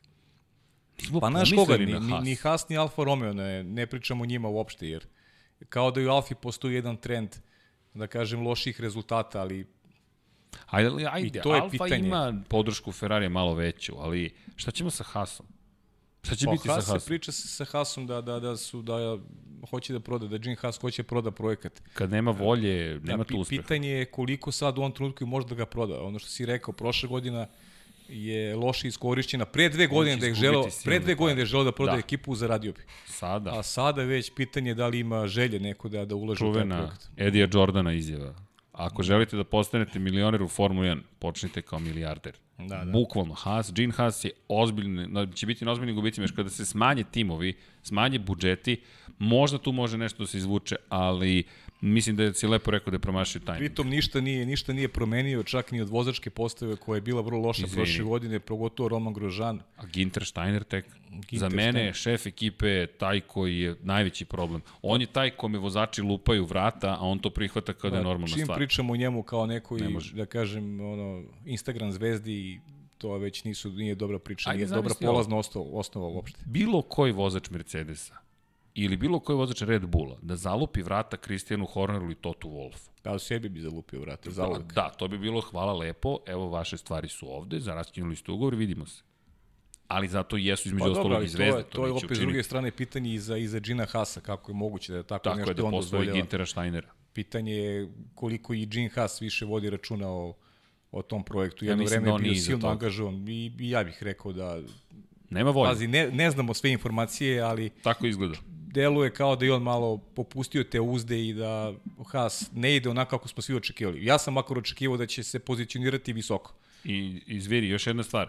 Da li misliš, ovo, ovo je direktno odgovor, ne, ne odgovor, ali tema koju ti pričaš, da li mislimo da bi takmičenje na neki način bilo neregularno ukoliko bi sezona startovala pre nego što se odradi ukupan broj trka? Zamislite situaciju, Ferrari povede u sezoni, onda iznenada ubaciš neke trke van Evrope gde Mercedes ima prednost. Pa i obrnuto. Super, super pitanje. Da, da, mislim da bi u neku ruku bilo neregularno i verovatno će i biti u neku ruku, ali opet kažem moramo da imamo razumevanja s obzirom da je situacija u svetu takva i da e, nije moguće utvrditi kompletan kalendar u ovom trenutku. Nije. Jer formula i jeste to što jeste, jer se vozi na tri kontinenta, jer imamo Uh, i tu sferu Vidi, izvini. konstantnih i putovanja i ne znam priprema strategija bukvalno mnogo je tu posla koji se mnogo, ni ne da, vidi. Da, da ne idemo ali, da ne idemo sad u najsitnija crevca. Ali da. zašto sam dodao i obrnuto? Zamislite da Mercedes povede, pa da dođu pa, Ferrarijeve neke tako je, staze. pa dakle, ne, ne, ne. mislim da iko ikoga, ako ovo implicira podršku nekoj ekipi, mislim ne, ne, da to nema, nije jo, problem. Nema veze, ma nema veze. Da, upravo to. Dakle, jednostavno i Formula 1 i MotoGP i svi cela planeta je u problemu. Dakle, mi ne Jeste. govorimo sada o nečemu što ovo je zaista, ako možemo nekada da pričamo o iz, i, i vanrednim okolnostima, to je danas. U celoj, na celoj planeti. Da ti neko mogu da ti kaže Činjenica. pre šest meseci, znaš, Pavle, ni jedan avion neće leteti. Pa da, gledao bi ga Belo. Bukvalno. Pa gledali smo Belo čak i početkom vanrednog stanja, nismo verovali šta se dešava. A kamoli, A kamoli- kamoli iz ove prizme Pa da. sada kad pogledaš kako je svet stao u jednom periodu. Tak, tako da rekao sam, imamo razumevanja, opet s druge strane, u pravu si, deluje iz moje prizme već sada onako polu neregularno jer ne znamo, ne znamo kalendar. Ne, inače, ovo moram da ja pročitam. Da, i, dakle, Vehid Višća, jesam li ja jedini koji kod Pavla primećuje neizmernu iskrenu ljubav prema F1? Evo, pa ja mogu da odgovorim Vehide, ja to gledam već decenijama. Pa dobro, isto, to I je, to je isto, lepo Pa vidjeti. to je isto kao da je postavio neko pitanje za tebe, mislim, nema tu razlike nikak. E, Ja- Jeste, ali Pavle, opet, lepo pa je dobro, vidjeti. lesti, mislim, lep Ti se komentar, manje da. pojavljuješ u javnosti, dakle, Pa dobro, budimo okej, realni. Da, jeste, realno, da. Re, realno je da se manje pojavljaju. Realno. Ja volim to, brza fotografija moment. A, kamera. Da. Ali- Instagram, ovo, ono. Facebook. Ja sam super. Pa dobro. Da, ali činjenica je da ja volim da se pojavljam u javnosti, Pavle ne voli da se pojavlja u javnosti i lepo je zato vidjeti Ja sam ovaj deo Kimi, priče. ja sam Kimi u, u ovoj priči. Šta sam ja? Pa ne znam ko. Hamilton, Hamilton. Hamilton ovdje dobacuje, da, opa, čekaj, je to dobro ili sad ne mogu pota. Šalim se, sve to čas, da, da, da ta poređenja, u, to su ozbiljne Ne, poređenja. apropo pojavljivanja samo. Imam još drugo, nešto da. sad sa Kimim, ali to ćemo u tamnoj strani studija. Okay, Neka da, pa pitanja dobro. imam, ja Nije- to teško. Znaš da, e, samo, Ne od, bežimo. samo odgovori znaju da budu teški, pitanja ne. Tako je. Dakle, ima pitanja o Landu Norrisu, Va, već smo odgovorili više puta za, za Landa Norrisa. Da. Pozdravit ćemo Alana Šmita još jednom. E, to je lepo. Dakle, komentari E da, koje i smo Alan dobili... Schmidt ima, i Alan Schmidt ima dobre komentare, bravo, ali, da. ali ima nešto tu više, to je to pogotovo kod Dragane se probudilo. Dakle, a to je ono što smo rekli da ta ljubav, strast i posvećenost probude nešto u ljudima jeste cela svrha onoga što smo i pokrenuli i kada smo pričali o ome ti i ja, nije ovo nama samo priča o Formuli 1, ne, ovo je mnogo više od toga, čujte samo, ovo je priča o ljubavi. Dakle, to ono što želimo da pričamo i koliko svako od nas može da se da promeni svet, zaista nije preveličavanje, samo da se pokrene i da onda kad čuješ priču o Dragani, ja sam sinoć sedio i rekao, ok, srđane, ja sad moram bolje da se pripremam kada je reč o stazama. Dakle, već vidim šta ćemo, već vidim i ti ja šta ćemo da radimo, ali mi predivno što i, i Schmidt rekao, e, imam sad želju da radim još neke stvari ponovno, da pišem tekstove, pišite tekstove, prišite, pišite. Da, da. Ima tu još nekih ljudi koje čekamo u studiju, običali su zagrljaj, dakle, eto, čekamo, dakle, zna, znaju osobe koje su u pitanju. Dakle, Svetomire, čekam te, evo, zagrljaj ovde, jedan Formula 1 je u pitanju, rekao čak doći ću da volontiram, samo da učestvujem u nečemu što je ovo. I to je ta energija o kojoj pričamo, ja se ne šalim. Dakle, kada govorimo o tome da da, da, da, da, da, da, da, da, da treba da se pokrenu prave stvari, to jeste poenta Draganine priče iz moje perspektive i ovoga što govorimo i onoga što studi, čemu studio zapravo, ne mogu kažem služi, jer to je svrha zapravo, lepe priče i pozitivne stvari, tako da nije pitanje samo odgovora, komentara, već tih emocija koje to Formula 1 budi. Znaš kako, lepe, lepe priče okružuju nas, samo ih treba naći, znaš, samo uh, treba biti na pravom mestu i, i reagovati. Da. To je, ima sigurno još lepih priča. Imam ja još neke ideje vezano za, za gostovanje određenih ljudi koji su koji su u automotosportu. Tu je Ghost Rider, Da, čeka. nisu indirektno, da kažem, negde nisu vezani za Formulu 1, ali, ali za neke lokalne naše uslove, a prate pritom dosta Formulu i i mogu da se čuju onako lepi njihovi komentari, lepe vizije onoga što su prošli kroz, neki, kroz neku profi karijeru i ono što je, kažem, njihovo mišljenje vezano za, za sam šampionat koji mi pratimo I da, iz 10 godina. I da opet pokrenu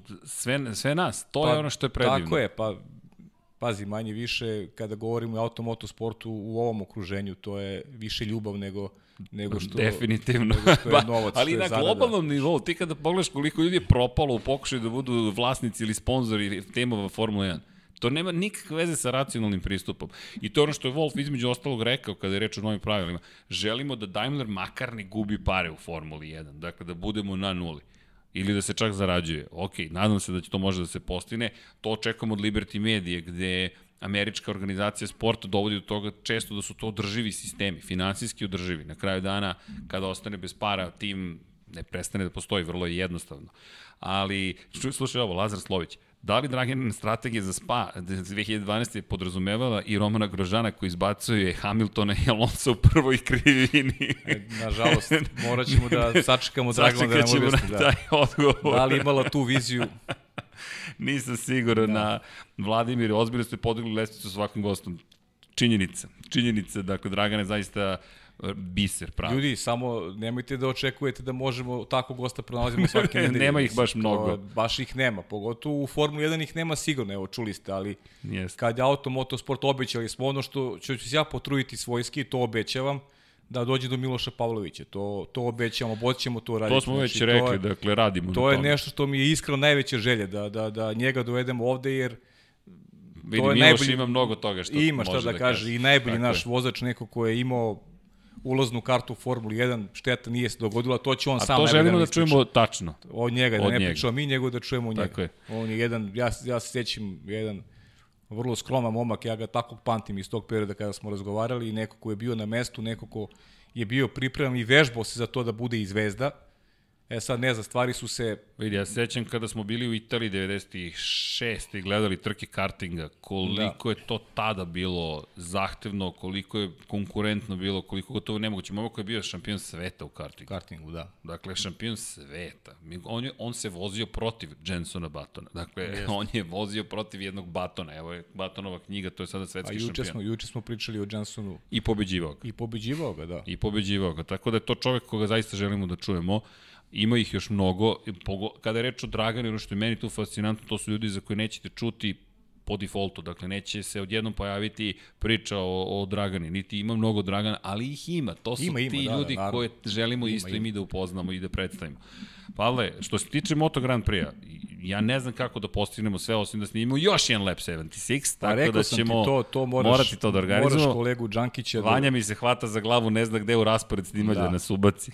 Moraš Vanja na vidiš vezu, sa, na sa, vezu. Da, sa kolegom Đankićem, tu ne mogu da Naravno. ti pomognem, rekao sam ti, ne pratim dovoljno da bi mogli da pričamo na tu temu, mogu samo da sedim i da ovako Vidi. da klimam ali, glavom da, ali... i da povremeno uključi kad je Rossi u pitanju. Ovo nemoj drugo, da- znaš, to je to. Čekaj, dobro, tvoja zastava tamo. ne?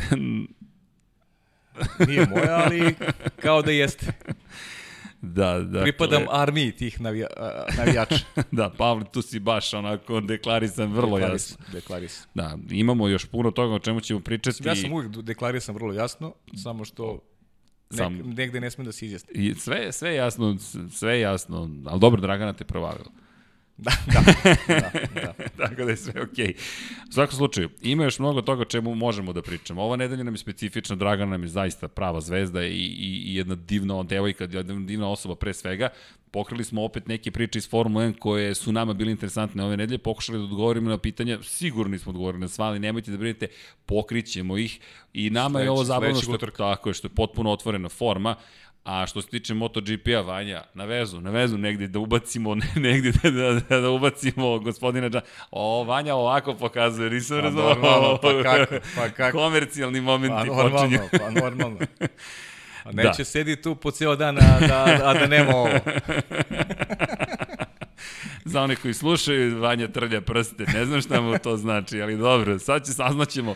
U svakom slučaju, vreme da se pozdravljamo, vreme, čujte, možemo mi još 10 sati ovako, ali prosto pokušamo da, da, da, da Srđane, ispoštujemo neko imaju vreme. šta gledaju da slušaju. Imaju ljudi, Pet, zaista. Koliko smo? Tri sata programa. Najmanje, dakle, ove Lagano, nedelje. lagano. I, I bilo je zabavno. Pavle, Jeste, ovo je čista sreća. Ja sam od, od, od juče nasmejan, inače sam nasmejan i sada, Ja moram ti kez. priznam, nešto malo me leđe, nešto nas bole, mora priznam, malo Pa sam... ćeš ovaj- morati da, do, do, do Dragane. Ne, ne, ne, ne, ne, Ne. ne, ne, ne, neću, neću, neću, ali- nešto, ići ću na trening svakako, ali nešto sam, nešto mi leđe danas, ne znam, ne znam neki, neki sam loš položaj uhvatio danas. E, vidi, Vanja ima te vežbe za leđe. Vanja ti ima Mora. 23 godine, njemu nisu ni potrebne vežbe za leđe, Da, ali da. on misli da je to do, zbog vežbi, da, da je tako u Da, dobrom da, da. stanju. Saznaće polako. Ima vremena, ne, ne mora da žuri uopšte da sazna. Dakle, to bi bilo to za Lab 76 broj 12, da ne kažemo 11.2, kako ga je Balkan Boy nazvao, dakle, da, da, da odamo priznanje onome koga nazvao i mi se nadamo da ste uživali, a svakako se družimo već sledećeg utorka ponovo, ako ne bude još jedna emisija umeđu vremenu. Veliki pozdrav od cijele ekipe i naravno, čao svima. Pozdrav, čao.